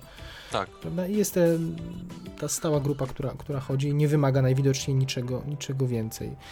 Mm, No i w tym kontekście It Follows, czyli Coś za mną chodzi, jawi się jako no, ogromnie świeży obraz, bo o co chodzi? To, że jest w nim klątwa, która jest przekazywana z osoby na osobę, to jest jeszcze w miarę standardowe, żeby przypomnieć tylko chociażby The Ring, czyli krąg. Natomiast to, co odróżnia ten film od innych, to sposób, w jaki tą klątwę się przekazuje, bo o to, żeby ją przekazać dalej, trzeba iść z kimś do łóżka. Ale Mhm. żeby jeszcze było ciekawiej, to nie wystarczy z kimś pójść, bo no, mądry widz pomyśli sobie, hello, można, nie wiem, y, dorwać kogoś przypadkowego, nie wiem, wynająć kogoś, whatever. Nie, nie, nie, bo oprócz tego, że się z tym kimś ta osoba prześpi, to jeszcze musi ją przekonać, że taka klątwa istnieje i wzbudzić chęć przekazania klątwy dalej w ten sam Dalej, sposób. tak. Bo jeśli klątwa dopadnie osobę, na którą przekazano klątwę, to wraca do, do poprzednika. Więc ten, przez cały film po pierwsze towarzyszy nam taki właśnie niepokój o losy bohaterów i, i czujemy tą ich taką... Znaczy, wiemy, że oni mają po prostu jakieś piętno, z którym będą musieli prawdopodobnie do końca życia, Życia. Mhm. no, żyć, tak? To są niezwykle tragiczne postaci. Już tak, tak, tak absurdalnej, użyję ponownie tego słowa, y, sytuacji. Y, y, Drugą, drugim wyróżnikiem moim zdaniem jest to, że samo zobrazowanie tej klątwy, prawda? Bo to nie jest trup z szafy, Nie. zazwyczaj. To nie jest jakaś zjawa, która gdzieś tam przemknie przez moment. To jest w miarę przypom- coś w miarę przypominające człowieka, może czasem trochę pokiereszowanego, w, najczęściej w białych ciuchach albo nago, które sobie chodzi tempem spacerowym Tak. gdzieś To jest w takie tle. bardzo, bardzo, ten, ten potwór, czy powiedzmy cokolwiek to jest, nigdy nie biega, nigdy ci nie ściga. On zawsze idzie takim spokojnym tempem, ale jest to taka upartość jej, że on zawsze dojdzie do celu, chociażby nie wiem jak, gdzie, gdzie, gdzie byś nie zaszedł, Mhm. gdzie byś się nie schował, to, to coś zawsze dojdzie tym wolnym tempem, ale dojdzie. No i nie wiem, czy miałeś tak. Ja, ja siedziałem na szpilkach, bo cały czas y, ten film w ogóle ma takie bardzo, nawet bym określił miejscami kubrikowskie zdjęcia. Szerokie Tak. bardzo plany, y, mm, mm, przeciągnięte sceny i to tyle wszystko po to, żebyś y, doszukiwał się gdzieś na drugim, trzecim planie, czy coś za nimi nie idzie. Znaczy zawsze coś jest, idzie, jest, tylko ale- jest, i nie wiesz jak nigdy, mów- czy to jest statysta, czy to jest klątwa, Mhm. która ich zaraz dojedzie, prawda? masz rację, ten, ten, te zdjęcia są przepiękne. To jest dla mnie przynajmniej coś, Mhm. co, co jest naj, najpiękniejsze w tym filmie, to są właśnie zdjęcia. I zaczyna się jeszcze bardziej niesamowicie, bo jest scena przed domem jakiejś takiej dziewczyny, która nagle Mhm. wybiega i jest taki piękny, powolny obrót 360 stopni, gdzie ona gdzieś tam przebiega przez Najpierw ulicę. wybiega, potem wraca na Wybiega, chwilę, prawda? wraca, Tak. stoi chwilę jeszcze w miejscu gdzieś przy sąsiadce, znowu wraca do domu, znowu wyjeżdża. I, i, i takich, takich parę ujęć, takich 360 Mhm. jest, jest więcej w filmie, zwłaszcza w to w szkole jest, jest przepięknie zrobione, bo gdzieś tam właśnie gdzieś w tle w jednym momencie się pojawia to coś. Ona siedzi na lekcji i widzi babcię, która idzie w ogóle kilometr dalej, taką, prawda, Tak, staruszkę tak, tak. na biało ubraną. I Mhm, to jest straszniejsze niż większość wyskakujących z szafy trupów. Jest- Ale jest też scena w drugiej szkole, gdzie oni gdzieś tam rozmawiają w, w Mhm. kimś, y, powiedzmy w, y, w biurze Mhm. i też ta kamera obraca się, robi 360 i jest postać, która idzie w stronę kamery i, i, i za każdym obrotem jest coraz bliżej. Zastanawiam się, Tak, czy to jest tak, ktoś tak. taki zwykły, który sobie gdzieś idzie, czy to jest ta osoba, nie? I ty po prostu czekasz, aż ta kamera zrobi ten obrót, żeby zobaczyć, czy ona jest bliżej, czy gdzieś skręciła w inną stronę. No coś pięknego. Dokładnie. Czy jak trafiają na przykład na plażę w pewnym momencie filmu, to tam też Mhm. zaczynają się schodzić turyści i ni cholery nie A, wiesz, bo czy... warto powiedzieć, że to coś, tą osobę, która ściga, widzi tylko ta osoba, która jest... Tak, zdecydowanie. Mhm. Jest, jest powiedzmy naznaczona tym piętnem, więc nigdy, tak samo my jako widz nie wiemy, czy to jest ktoś znajomy, bo, bo ta postać potrafi się e, ukazać jako ktoś, kogo, kogo zna, al, albo może być to przypadkowa jakaś postać gdzieś tam napotkana Mhm. na ulicy, więc, więc nigdy nie wiemy, czy ten ktoś idzie w stronę kamery, to jest ten ktoś, czy to jest zwykły przechodzień. Więc fantastycznie nakręcone. Proste, a jaki, a jaki pomysł. I całość dzieje się w Detroit, prawda? Detroit jest też y, cudnie sfotografowane, na wpół opuszczone, oni Mhm. odwiedzają te, te domy momentami, y, gdzieś z powybijanymi szybami. Znaczy bardzo podoba mi się e, to, że nie jestem w stanie określić jaki to jest powiedzmy rok tego filmu. Mhm. Jest ciężko powiedzieć, bo zarówno samochody, jak i ich ubrania. Mhm. jak i, jak i reszta rzeczy mogłaby mówić, że to są jakieś takie lata wczesne 90., coś w tym stylu, ale z kolei oni korzystają z technologii jakichś. Aha, filmy lecą też czarno-białe całkiem, jakby z lat w ogóle 30., 40. w telewizji. Ale z kolei używają telefonów i jakichś urządzeń do czytania książek, które są totalnie powiedzmy nawet i, i z obecnych lat, albo nawet z przyszłości, bo to takie urządzenie, jakaś taka muszelka, której w życiu nie widziałem, No tak. jedna z lasek czyta Może książkę, jakiś więc chiński wynalazek. ciężko jest określić, jaki to jest w ogóle rok w tym filmie. To mi się strasznie podobało, że jest jakiś taki nie, niewiadomy czas akcji wprowadzony. Pewnie. No to dzięki temu też ta specyficzna warstwa wizualna jest, prawda? Nie Mhm. odrywają nas te świecidełka, nowinki technologiczne. Masz całkowitą rację, to jest bardzo stylowe. Cho choćby taki zabieg właśnie, że za każdym razem oglądają coś starego w telewizji. Bo Mhm. powiedzmy, dość często ucieka się bohaterka z racji tego, że nie chce zasnąć. No, ucieka się do tego, żeby, żeby oglądać w nocy. Oglądania w, tak na kanapie, tak. To jest bardzo stylowe, to jest bardzo stylowe. Zupełnie inaczej by to wyglądało, gdyby tam wsadzili coś, coś ws- współczesnego. Także też cudnie. Muzyka, nie wiem czy zwróciłeś uwagę, muzyka... Oj, oj, muzyka. Ja bardziej- jak bardziej- słyszałem pierwsze te dźwięki takie elektroniczne, sobie Tak. myślałem, matko bosko, to brzmi jak Fez, czyli gra ten, Mhm. taka, która parę lat temu się, no, no po prostu jak wyjęte. I jeszcze nie wyszedłem z kina, jak zacząłem googlować, kto napisał muzykę. Mhm. I proszę bardzo, Rich Ryland, który pisał muzykę do Fez. Ja myślę, no, oczywiście. W każdym razie nie wyobrażam sobie, żeby ktoś miał jej słuchać yy, po dobroci, że tak powiem. Tak, tak, ona nieźle pasuje do filmu, ale nie widzę, żebyś miał z nią robić sobie obiad albo, albo pracować, tak. ale cudna. No jeśli ktoś lubi jakieś elektroniczne eksperymenty, mniej melodii, a więcej dźwiękonaśladowstwa, to, to, to warto się zapoznać. Jest na Spotify, Mhm. E, jako Disaster Appearance chyba jest taki pseudonim właśnie artysty, który odpowiada, więc więc sprawdźcie, spróbujcie. A miałeś jakąś anegdotę opowiedzieć? Chowałeś na... A, no właśnie, widzisz, dobrze, że mi przypomniałeś, bo, bo, bo to jest, tak jak wspomnieliśmy, film o tym, że ktoś cały czas cię śledzi i gdzieś tam nagle się pojawia i, i sobie stoi. I słuchaj, poszedłem na pierwszy możliwy seans, to była chyba 10 rano, jeżeli dobrze pamiętam. E, oprócz mnie w kinie było jeszcze dwóch gości, którzy siedziało gdzieś tam w ostatnim rzędzie, ja siedziałem sobie w pierwszym. Mhm. To jest pierwszy rząd, to jest taki na, na podwyższeniu w Stanach. Ja, ja, ja nie pamiętam, czy sale tak samo są w, w Polsce, czy jak w Stanach. W każdym razie pierwszy rząd tego środkowego, powiedzmy, sali, bo wiadomo, są Mhm. te takie krzesła, gdzie się siedzi i musisz odchylić się praktycznie do tyłu, żeby coś zobaczyć. Ale ja Aha. mówię o takim pierwszym rzędzie na podwyższeniu, gdzie Mhm. jesteś, powiedzmy, centralnie na, na środku ekranu wzrokiem. Tam lubię siedzieć, bo, bo można sobie i nogi wystawić na nogi, barierkę. no która tak. No, przed- przed niektóre sale sale też są tak. w każdym bądź razie jest, jest połowa filmu, albo nawet i trzy czwarte. Wchodzi na salę starszy mężczyzna, e, bardzo stary dziadek. W ręku trzyma słuchawki bezprzewodowe, które migają wesoło zielonym światełkiem. Mhm. I gość sobie idzie takim spokojnym krokiem, po czym staje przede mną, obraca się i patrzy się na mnie. Okej? Przy, przypominam, że jestem na filmie It Follows, który, który takie, wiesz, sceny ja mam, wiesz, pod gardłem, Mhm. nie? Ja myślę, okej. Albo, albo ci wynajęło kino i gościu masz ode mnie po prostu, wiesz, nagrodę za to, co robisz, bo mam pełne gacie. Albo nie wiem, co się dzieje, nie? Więc facet pos- postał z, z 30 sekund, patrząc się na mnie z tymi słuchawkami migającymi Mhm. i poszedł dalej. Chcę się, dobra, okej, poszedł. Mogę oglądać dalej. Ale, ale obserwuję go wzrokiem, nie? Bo coś, coś nie, nie tak jest. Widzę, facet zakręcił i wchodzi w mój rząd, okej? Jest cała sala pusta oprócz tych dwóch gości. Gość wchodzi w mój rząd i idzie w moim kierunku. W sensie nie, nie, nie, nie, nie, nie. To się nie dzieje naprawdę. Jeżeli on będzie tak dwa krzesełka ode mnie, to ja wstaję i uciekam.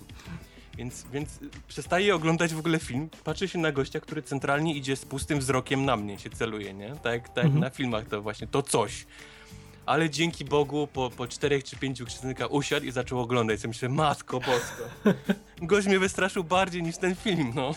I co, i dooglądał już do końca, czy się zorientował, że źle końca, tak. Źle, źle, Nie, źle dooglądał do końca i, i, i ten, ale ja już resztę filmu po prostu myślałem tylko o zmianie, e, wiesz, majciochów tak, w łazience no tak. po, po, po seansie.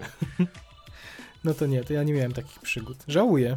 Żałuję, powinni Także kina, powinny... pomyślałem, jakby kino wynajmowało ludzi Tak, właśnie powinny. filmy, to po prostu rewelacja. Jestem w stanie dopłacać do biletu, bo, bo miałem większą jazdę niż, niż po tym, co, co widziałem na ekranie. Taki, taki flash mob nawet, nie? Trochę. Mhm. Y, jeszcze powinniście sfilmować i do kampanii marketingowej potem. Właśnie, może się znajdę kiedyś No, właśnie, jak, no. na, jak na tym, na, e, e, jak się nazywa, Paranormal Activity Mhm, nagrywali ludzie. Tak. No. Dokładnie. No jeszcze może powiedzmy o tym, że bo przed premierą, jak rozmawialiśmy o tym filmie, ja największe obawy miałem co do tej y, tematyki, to znaczy tego, czy y, seks w horrorach jest raczej taki bardzo, mm, bym powiedział, no taki szczucie cycem zazwyczaj, prawda? Czyli Mhm. mamy domek nad jeziorem, mamy jakiegoś mordercę i obowiązkowo musi być parę scen erotycznych, żeby machnąć gdzieś tam kawałkiem nagiego ciała, bo, bo, to, się, bo to się sprzedaje. I trochę się bałem, że skoro już sam film ma założenie takie, że, że trzeba się z kimś przespać, to będzie mm, przesadne jakieś epatowania. To absolutnie nie, byłem strasznie zaskoczony tym, nie? Jak Tak. bardzo... Tak, jest, Jak jest bardzo- bardzo... elegancko to wszystko Tak. nakręcone. Nawet główna bohaterka jest powiedzmy. Nie czujesz, że jest gwałcona, tylko że jest sama odpowiedzialna za swoje czyny i sama wybiera Mhm. to, co chce zrobić, że jest powiedzmy. Wie co robi. Mhm. Nie, nie, nie, Zresztą to nie dzieje się Sama, sama czynność jest bardzo mechaniczna, jakby tam nie ma ani przez sekundę w tym filmie przyjemności wynikającej z tego. Oni to traktują po prostu jak w ringu było obejrzenie kasety, tak tutaj jest ten przymus, prawda? I jakoś Tak. momentami przespanie się z kimś jest rodzajem ofiary tutaj, bo okej, pomogę ci, No nie, jakby nie, nie zdradzając nic więcej. Mhm. E, e, Co nie przeszkadza oczywiście być głównej bohaterce niezwykle sensualną, piękną dziewczyną. Ona zresztą, ta, ta główna aktorka, ona, nie pamiętam nazwiska, ale grała w Gościu w zeszłym roku, Majka, prawda? Majka coś tam, tak. Tak, tak, tak. Ona, pierwszy raz ją zauważyłem właśnie w gościu. Majka Monroe, tylko tam była przestylizowana, miała fatalny, okropny makijaż, tlenione włosy i absolutnie... Znaczy na nastolatkę była. Nastolatkę, tak. Taką, taką tutaj jest- trochę. No. A tutaj jest niezwykle, jak nas wiek dziewczyny, którą gra jest niezwykle dojrzała i w ogóle muszę jeszcze powiedzieć o jednej rzeczy, że ten film stoi również dla mnie tym, jak bardzo racjonalne decyzje podejmują bohaterowie. Czy nie uciekają do piwnicy, z której nie ma wyjścia, nie zamykają się na strychu, nie piszczą bez sensu. Znaczy wszystkie te decyzje, które podejmują, podejrzewam, że zachowałbym się podobnie, gdybym Podobnie, był w, ta, w tak, tak mhm. Dziwacznej sytuacji, w jakiej oni się, oni się ale, znaleźli. ale też muszę się przyczepić, że Mhm. jest parę takich baboli, które mnie Mhm. strasznie bol, bolało w tym filmie i, i na to właśnie co pokazał, na takie, na takie e, zdrowe podejście do, do, do tematyki, dorosłe, nie, powiedzmy, Mhm. i, i logiczne. Mhm. Było parę scen, które mnie po prostu strasznie zdenerwowało. No jakieś takie, ona ucieka przez las i, i po czym podchodzi do swojego samochodu i zasypia na masce. I śpi całą noc na masce samochodu, gdy, podczas gdy coś ją cały czas ściga. No tak, ale tu było powiedziane, że to coś idzie naturalnym tempem, więc musi y, No zdążyć tak, dojść. wejdź do samochodu, skoro... nie? Zamknij się chociaż, wiesz, w samochodzie, zaśnij na, na siedzeniu, ale niekoniecznie śpij centralnie, No tak. wiesz, na, na zewnątrz samochodu, No na masce. była zmęczona, wiesz. wiedziała, że jak przebiegła taką trasę, to tym bardziej jak tam to coś nie biega, to nie dojdzie do niej w tym samym czasie, więc czuła się No, bezpiecznie nie, może. Nie, nie, nie, nie, nie, niekoniecznie, no. Poza tym sama to takie... E, film nie, nie tłumaczy na przykład, skąd ci ludzie wiedzą o genezie tego, nie? Skąd ktoś wie, że faktycznie trzeba się z tym przespać? Kto im pierwszy powiedział o tym? Kto, kto do tego doszedł? Że to się tak, wiesz, że trzeba tak przenieść, powiedzmy, No i- tą klątwę dalej. No to ja powiem inaczej, ci, którzy nie, wie, ci, którzy nie wiedzieli, to już nie żyją. A ci nieliczni, by, którzy w sobie... takim razie to już by dawno doszło do pierwszej że osoby. zniknęłoby, też się na tym zastanawiałem, jaki był, jaki był, jaki był protoplasta tego, gdzie to się zaczęło. No, to mogło no. się zacząć 5 lat temu, rok, a mogło się... ten koleś, który daje tej, tej naszej bohaterce tą klątwę, on na początku filmu zachowuje się tak, jakby w ogóle zapomniał o tym. Okej. Też, też jakoś tak nie, nie wiadomo skąd, po czym nagle ta klątwa też nie wiadomo skąd się ujawnia i on sobie przypomina o tym. O fuck, faktycznie, mnie coś To goni nie, przecież. nie, nie zwróciłem, nie zwróciłem Przez, uwagi przez na to. całe życie, no. Nie zwróciłem... Poza tym też pojawiają się dziwne takie postacie w filmie, jak, jak tacy młodzi sąsiedzi tej, tej, tej naszej bohaterki. Dwóch takich chłopaczków, którzy y, też nie jest wytłumaczone, co oni robią, a jest mnóstwo scen z nimi, gdzie oni ją gdzieś tam podglądają, gdzie piłkę gdzieś tam odbijają od, od No to szyby. akurat był taki element straszenia, że przy tych scenach, przy tych scenach basenowych na to- szczególnie, prawda, że, że widz, widz już myśli, że, że to coś ją śledzi, a to, a to dzieciaki ją podglądają. No tak, ale jest mnóstwo takich scen sugerujących, że coś z nimi będzie. A tymczasem nic, urywa się, to jest takie, wiesz, będzie, Mhm. będzie coś mnie przestraszy u nich, coś z nimi będzie, ale nic nie ma, nie? I tak jest, o, No dobra, ale to może podsumujmy to w ten sposób, że mimo wszystko, jak na tak karkołomny pomysł, nierzeczywisty i obarczony tak dużą ilością jakby zmiennych, które wpływają na logikę, to ten film jest bardzo logiczny, przyznajmy, prawda? tak, mimo no. tych paru baboli, o Jasne. których, o których mówisz. Także co, polecamy miłośnikom horrorów, polecamy tym, którzy horrorów nie lubią, bo też będą się świetnie bawić. Tam są dwie czy trzy sceny, w których coś wyskakuje z nienacka, a reszta straszy jednak atmosferą. Y, Polecamy, polecamy estetom, to również, bo jest przepięknie nakręcony, no. ciekawą muzyką. Y, Praktycznie brak słabych punktów. No to chyba, że ktoś jest uczulony na upiory, klątwy i ewentualnie boi się trochę golizny, no to mo- może nie. To może Dużo nie. Zarówno damskiej i męskiej golizny w tym filmie. No ale przyznajesz smacznej, tak? A, No to słowo, którego bym nie użył, ale, ale nie jest tak, że... Okej, się faktycznie masz rację, bo wiem o czym myślisz. Tak, tak, tak, dobra, okej. Polecamy. Znak jakości After the Credits poleca. Tak. It Follows, zdecydowanie film ostatnich trzech tygodni, myślę. Mhm. Myślę, że, że na pewno. Y, Wojtek, czy chciałbyś posłuchać chwilę o Zbuntowanej, czy Insurgent? I powiedz mi, dlaczego ty na to nie poszedłeś? Chciałbym. Bardzo proszę, opowiedz mi o tym filmie. Czy byłeś na filmie Niezgodna, czyli Divergent? Yy, byłem, To nie chciałeś się dowiedzieć, byłem jak... i, i jak właśnie historia- chyba dlatego nie byłem na Insurgent. Aha.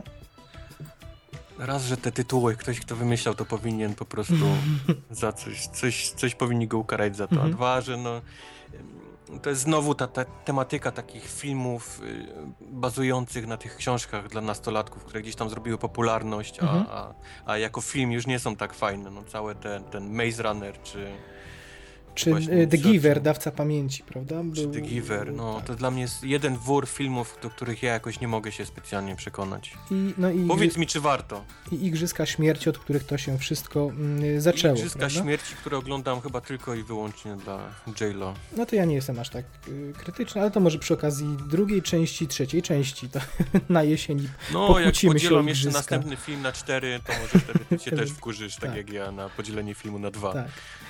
Mm, Więc, więc może o igrzyskach nie będziemy, natomiast y, tak faktycznie, no to jest kolejny z przedstawicieli tej literatury young adult, czyli pisanej dla, przez dorosłych, dla młodzieży, a czytanej Mhm, przez mhm. dorosłych głównie.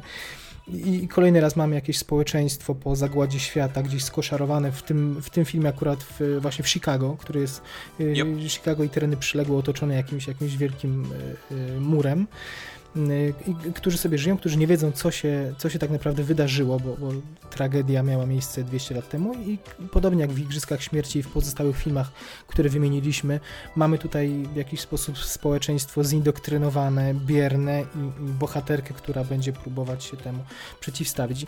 I co mnie się najbardziej podobało już w pierwszym filmie, to sam ten, ale to nie wynika z filmu, tylko bardziej z literatury, z książkowego pierwowzoru, to ten pomysł na frakcję. To, że... mm, ja dalej nie rozumiem tego, jak to ma... Po co, jest, po co dzielić społeczność na frakcje? No tak wymyślili, które- że porządek społeczny będzie, będzie zachowany, jeśli właśnie ludzie będą sobie jakieś role społeczne mm, przybierali. Są najpierw badani na tą okoliczność, ale potem y, mają oczywiście zachowane prawo... Właśnie grupowanie ludzi jest chyba ostatnim krokiem, jaki można robić, żeby ratować.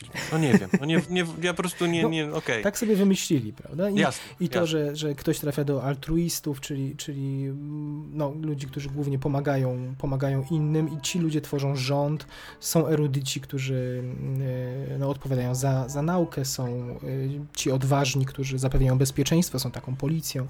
Tak, e, to są ci, co biegają po tej... Tak, tak, po dachach skaczą, taki po pa dachach parkurowcy. skaczą. Tak, To jest tak, po tak. prostu niesamowite, no. Są jeszcze, nie, nie pomnę nazwy, ale ci, którzy się zajmują uprawą roli i dostarczają pożywienie. No jest jakieś to społeczeństwo frakcyjne, ten, ten pomysł i to, że mm, e, dosyć to naciągane, ale że badania mogą wykazać, że jesteś przedstawicielem wszystkich frakcji i tacy ludzie są do odstrzału, ponieważ zagrażają całemu systemowi, któremu, którym rządzi Kate Winslet. Fatalnie grająca zresztą w tym filmie. Ojej. Mm.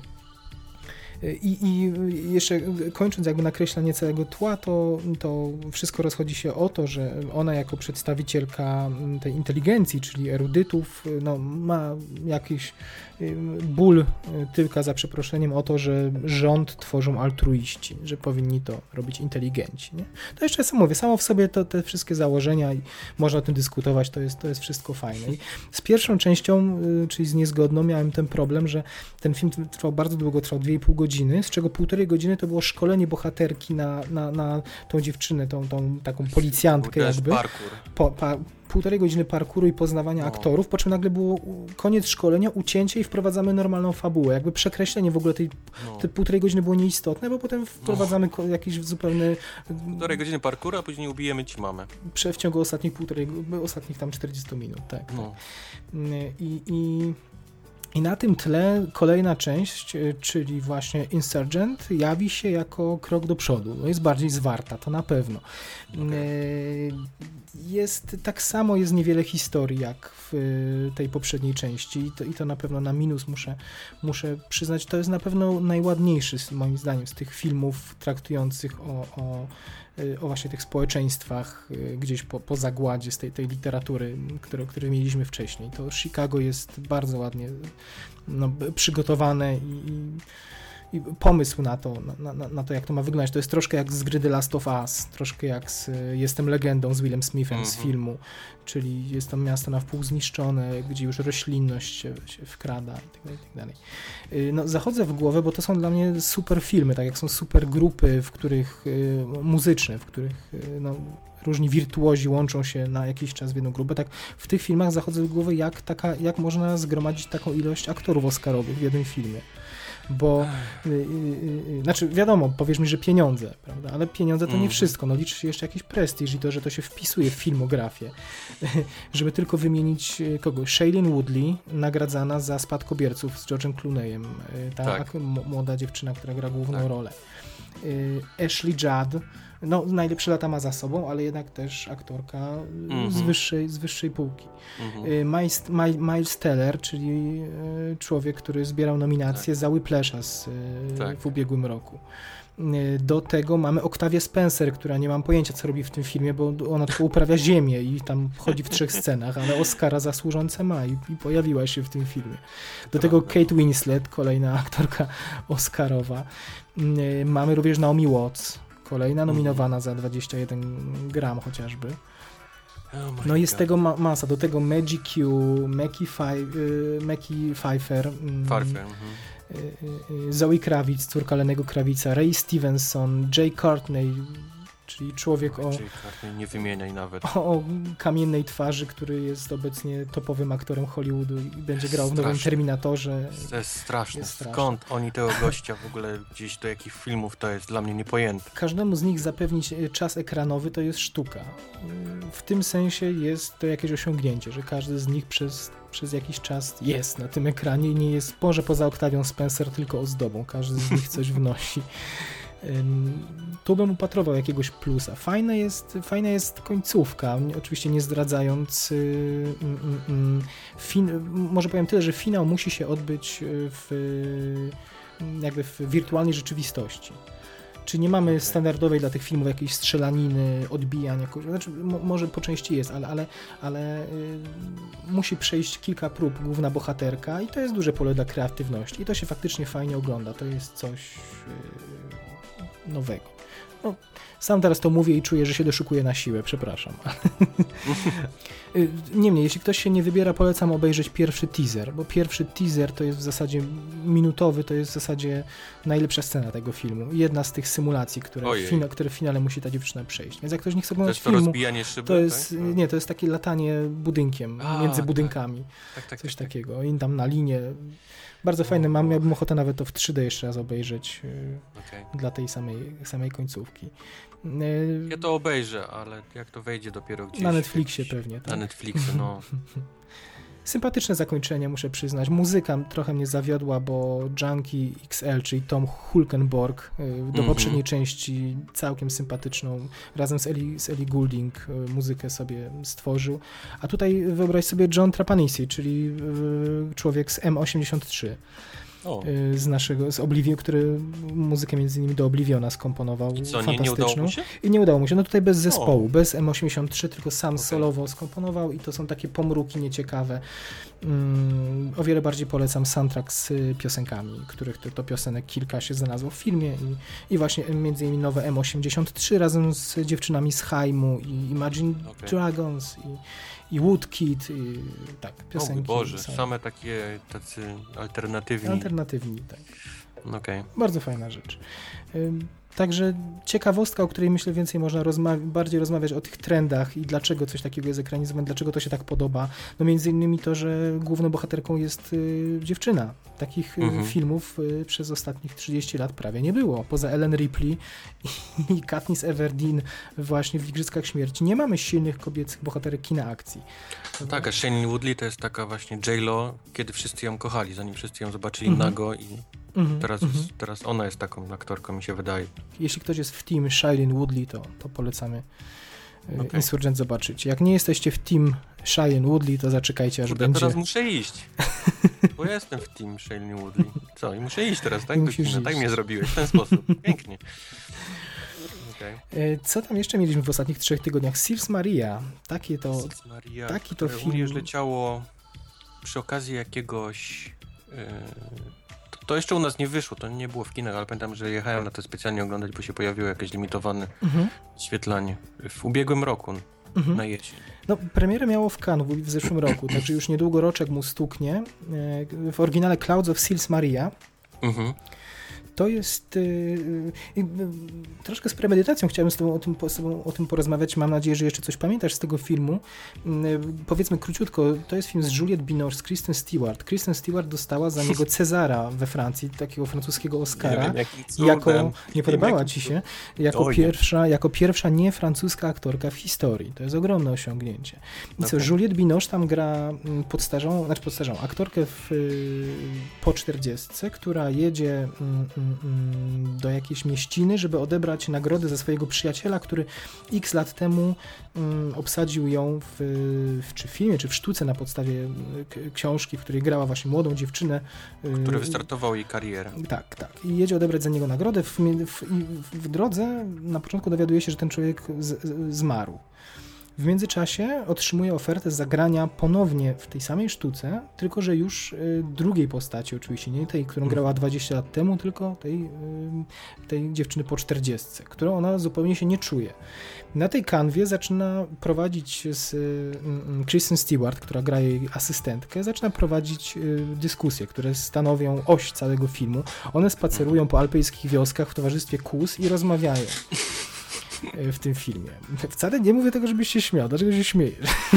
Nie, bo to bo ja się śmieję, bo to jest najprawdziwsza prawda, co mówisz. Ona faktycznie przez, przez e, większość filmu Ona, ona przez cały czas upiera się, że ona powinna zagrać, ona się czuje jak ta dwudziestolatka i ona powinna, to jest dla niej pra, to, to jest prawda, ona powinna tamtą osobę zagrać, ona nie jest tą 40-latką. I, i, i, I, rozpoczynają się dyskusje, w które nie, czy, czy niebezpiecznie, ale zahaczają mi o Birdmana, mój drogi. Nie wiem, czy się zgodzisz ze mną. Ja mia Trochę tak. Te filmy w zasadzie mówią o tym samym, bo mówią o, o kryzysie tak, wieku średniego, prawda? U aktorów. Mhm, tak. Mhm. O tym nie, niezrozumieniu współczesnych trendów. Tak. To przyznaj też. W Sears Marie pojawia się bohaterka grana przez Chloe Grace Moretz i to jest y, bohaterka, która ma grać właśnie tą młodszą wersję Juliette Binoche w, w, tej, w tej mhm. sztuce. I ona jest y, przedstawiona jako aktorka znana z filmów o superbohaterach. Zresztą Juliette Binoche w pewnym momencie ogląda w kinie scenę, jakby Kristen Stewart zabiera ją na film o superbohaterach i, mhm. i zaczynają, ale nie podobała ci się, tak? Znaczy ona jest wizualnie fatalna. Jest wizualnie, jest koszmarny. Ten film, który oglądam, ale ta dyskusja... Ja, wiem, że on chciał pokazać taki trochę pastisz, bo... Obśmiać to, no tak, no tak. Obśmiać, ale, ale przeszedł sam siebie i, i zrobił pastisz mhm. z pastiżu. Nie, nie, nie, nie wyszedł no mu pastisz Trochę jak Pi Sigma z Mat Planety wygląda. Nie? No, no, no, no. Ale niemniej dyskusja przy okazji tej sceny jest, jest fajna, bo Kristen Stewart ich zwraca uwagę, już po tym fragmencie, który oglądają w kinie, mówi, że ej, ale jeśli odarłabyś tą scenę z tych laserów i kostiumów, to jest dokładnie ten sam problem, o którym jest mowa w twojej sztuce. I, i to, to mi się podobało, bo to była odrobinę stanięcie w obronie y, tego kina mainstreamowego, popcornowego, że, że zdarzają się dzieła, w których tylko i wyłącznie ta peleryna i supermoce, że oprócz tego jest coś jeszcze. Nie? No tak jak wielokrotnie mówiliśmy, że Marvel ładuje jednak y, różne stylistyki w te swoje superbohaterskie kino i próbuje się tym bawić. I, w tym kontekście Seals Maria w tej jednej scenie gdzieś od takiej takiego moralizatorstwa się na moment dla mnie oddaliła, y, ale mimo wszystko pozostanie dla mnie takim Birdmanem dosyć ciężkawym, mhm. bo, bo o, ta, ta, tematyka jest mi bliska, natomiast o ile Birdman to robił ze swadą, był, był właśnie szalony, zabawny, świeży, no tak tutaj mamy chodzenie po łąkach z kozami. Tak jest, no właśnie ukazanie dwóch światów, takiego wiesz, starszego aktorstwa versus y, młodszego pokolenia, które gdzieś też potrafi dostrzec gdzieś tą sztukę, ale przez inny powiedzmy pryzmat i, i tak dalej, no, no to jakoś może w tej jednej scenie faktycznie, ale przez resztę to gdzieś ucieka, bo czwarty film to jest jakieś takie e, testowanie ról powiedzmy w tym filmie, mhm. gdzie, gdzie dla mnie przynajmniej Kristen Stewart gdzieś strasznie gada pod nosem, albo strasznie szybko, jakoś tak niewyraźnie. To jest jej takie klasyczne z tą jej jedną miną, którą mhm. ona tylko potrafi grać. Nie wiem, jakim cudem wygrała tą nagrodę, bo, bo dla mnie na przykład w Camp X-Ray zagrała dużo lepiej mhm. niż, niż w Seas Marie. No ale okej, okay, no nie daje nagrody. Poza tym um, dużo właśnie takich głupot, jak, jak ta scena kinowa, gdzie, gdzie oni gdzieś tam siedzą w okularach 3D, a ten film jest totalnie jakiś taki nakręcony, w garażu, dwie białe no tak, ściany tak, tak. w garażu, no, no, jakiś taki koszmar totalnie, albo właśnie gdzieś, gdzie oni idą tymi górami i jest taka łąka wielkości Błoń w Krakowie i ona się odwraca i nagle nie ma Kristen Stewart, więc Kristen Stewart musiała chyba odlecieć gdzieś na pelerynie, bo, bo gdzieś, no takie no, trochę głupot. Nie no, to akurat, taki, słuchaj, to akurat do czego pijesz, to moim zdaniem mm, efekt jest, znaczy ta scena mówi nam, że Kristen Stewart niekoniecznie była yy, prawdziwa. Że o, tak nie myślałem. Ja mam taką tego interpretację, tak? że ona po prostu sama ze sobą odgrywała. Jakby Kristen Stewart to była Juliette Binoche sprzed 20 lat i, i ona same wiesz, dyskutowała o, o, o, tym, kogo ma zagrać i prób, próbowała zrozumieć współczesny świat właśnie dyskutując może, ze swoją może, bohaterką może, sprzed 20 lat. Nie? W tym sensie wytłumaczalne byłoby nagłe zniknięcie i pozostawienie Juliette Binoche na hali razem z, z kozami, a bez Kristen okay. Stewart, tak? Okay. Okay. Więc to akurat tak bym rozumiał i tego bym się nie, nie czepiał. Natomiast jest troszkę siermierzny ten film, prawda? No ale taki no, jak, jak, no. jak momentami kino europejskie, niestety. Więc... Miło było zobaczyć Juliette Binoche y, mówiącą po angielsku. Tak. To, to było coś, coś, coś, czego nie widziałem wcześniej przynajmniej. Bo, bo wszystkie jej filmy do tej pory były chyba francuskojęzyczne. Ona nigdy nie mówiła po nie wiem, nie wiem, czy zwróciłeś uwagę. Yy...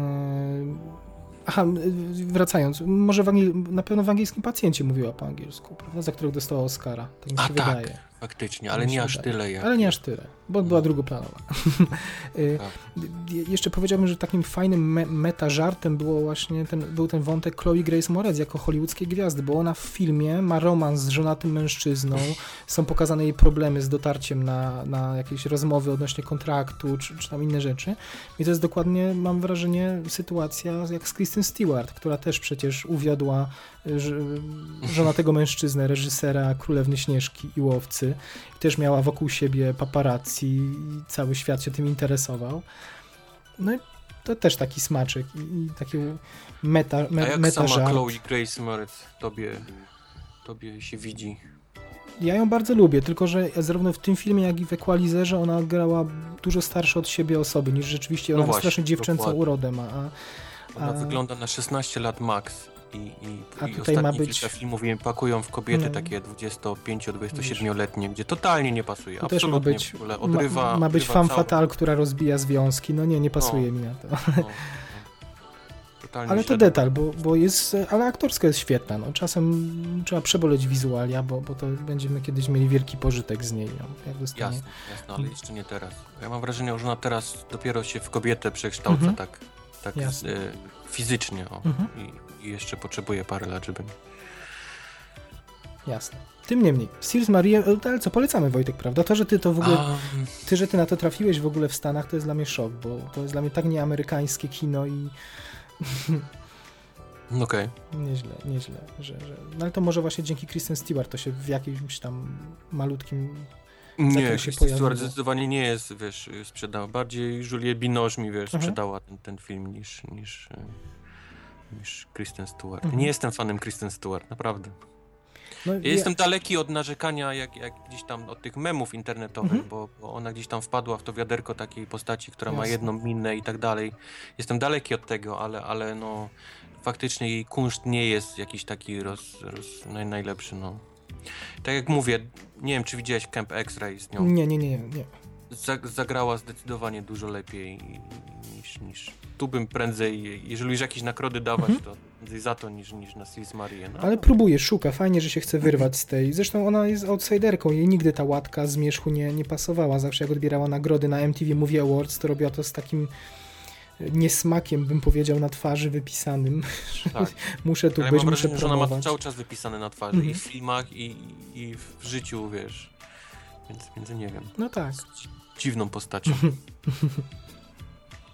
Ale co, poleciłbyś, czy, czy, czy nie? Czy raczej A. na, czy na, na Birdmana byś, byś raczej wysłał ludzi? Żeby, Zdecydowanie na Birdmana. żeby, no nie w sensie, ma, żeby, w sensie, żeby po, pokontemplowali ten temat. Czy myślisz, że Birdman wyczerpuje ten temat, czy warto sobie obejrzeć Sils Marię dla uzupełnienia? Po Birdmanie chyba tak. Po Birdmanie chyba tak można, bo, bo faktycznie to są jakieś takie tematy, które się ocierają o siebie. Z tym, że, że Birdman to robi zdecydowanie przystępniej dla, dla widza niż, niż Sils Maria. I ostatnia pozycja. Ostatnia pozycja, nie wiem, czy ty jej chyba nie widziałeś. Nie Bardzo- widziałem, bo to jeszcze u mnie nie wyszło. Bardzo żałuję. Właśnie nie wiem, czy chcesz, czy mam opowiadać, czy mam zaczekać, aż aż Może obejrzysz. Poczekaj, no. Bo to już niedługo. Bo chcieliśmy porozmawiać o filmie, jeszcze po, ja chciałem opowiedzieć o filmie Ex Machina, który... Albo mów, no mów, no. Albo może, słuchaj, albo może tylko zarysuję problem, a wrócimy jak obejrzysz. Może tak Dobrze. zróbmy, bo, bo, ale to z tego względu, że ten film jest u nas od y, dwóch tygodni i obawiam się, że za niedługo zniknie, bo, bo oczywiście nikt na, niego, nikt na niego nie chodzi i zniknie z ekranów, a zdecydowanie warto go, warto go y, zobaczyć. To jest, widzisz, taka sytuacja, że, że Polska ma go wcześniej niż Stany Zjednoczone, prawda? To jest mały sk- brytyjski film, który u was będzie dopiero chyba w tym miesiącu, w W przyszłym kwietniu, tygodniu. w przyszłym tygodniu nawet, no widzisz. Mhm. Ojejku, to może się jednak wstrzymamy przyszłego No tygodnia. uważasz. W przyszłym tygodniu ja mam bilety kupione, Mhm. wszystko jest. Ale opowiedz, masz rację, bo, bo, bo może przekonasz parę osób, żeby poszło zobaczyć, zanim to w Polsce. Dobrze, to Powiem, to powiem krótko, a Wojtek za dwa tygodnie doda, dlaczego nie mam racji i, i co mu się nie podobało, bo ja będę piał wyło, praktycznie wyłącznie z zachwytu. O nie, ja czuję, że też będę. Mm, Po pierwsze, y, ta rzecz, która nas przyciąga do niego, myślę, to są te z dwóch aktorów związanych z y, Gwiezdnymi Wojnami. Oscar, Oscar Isaac i Domhnall Gleeson. Mhm. Y, A, tak naprawdę film jest y, teatrem trzej, trzech aktorów. Y, To jest film bardzo teatralny. Dzieje się w, gdzieś w posiadłości zaszytej daleko od, od cywilizacji.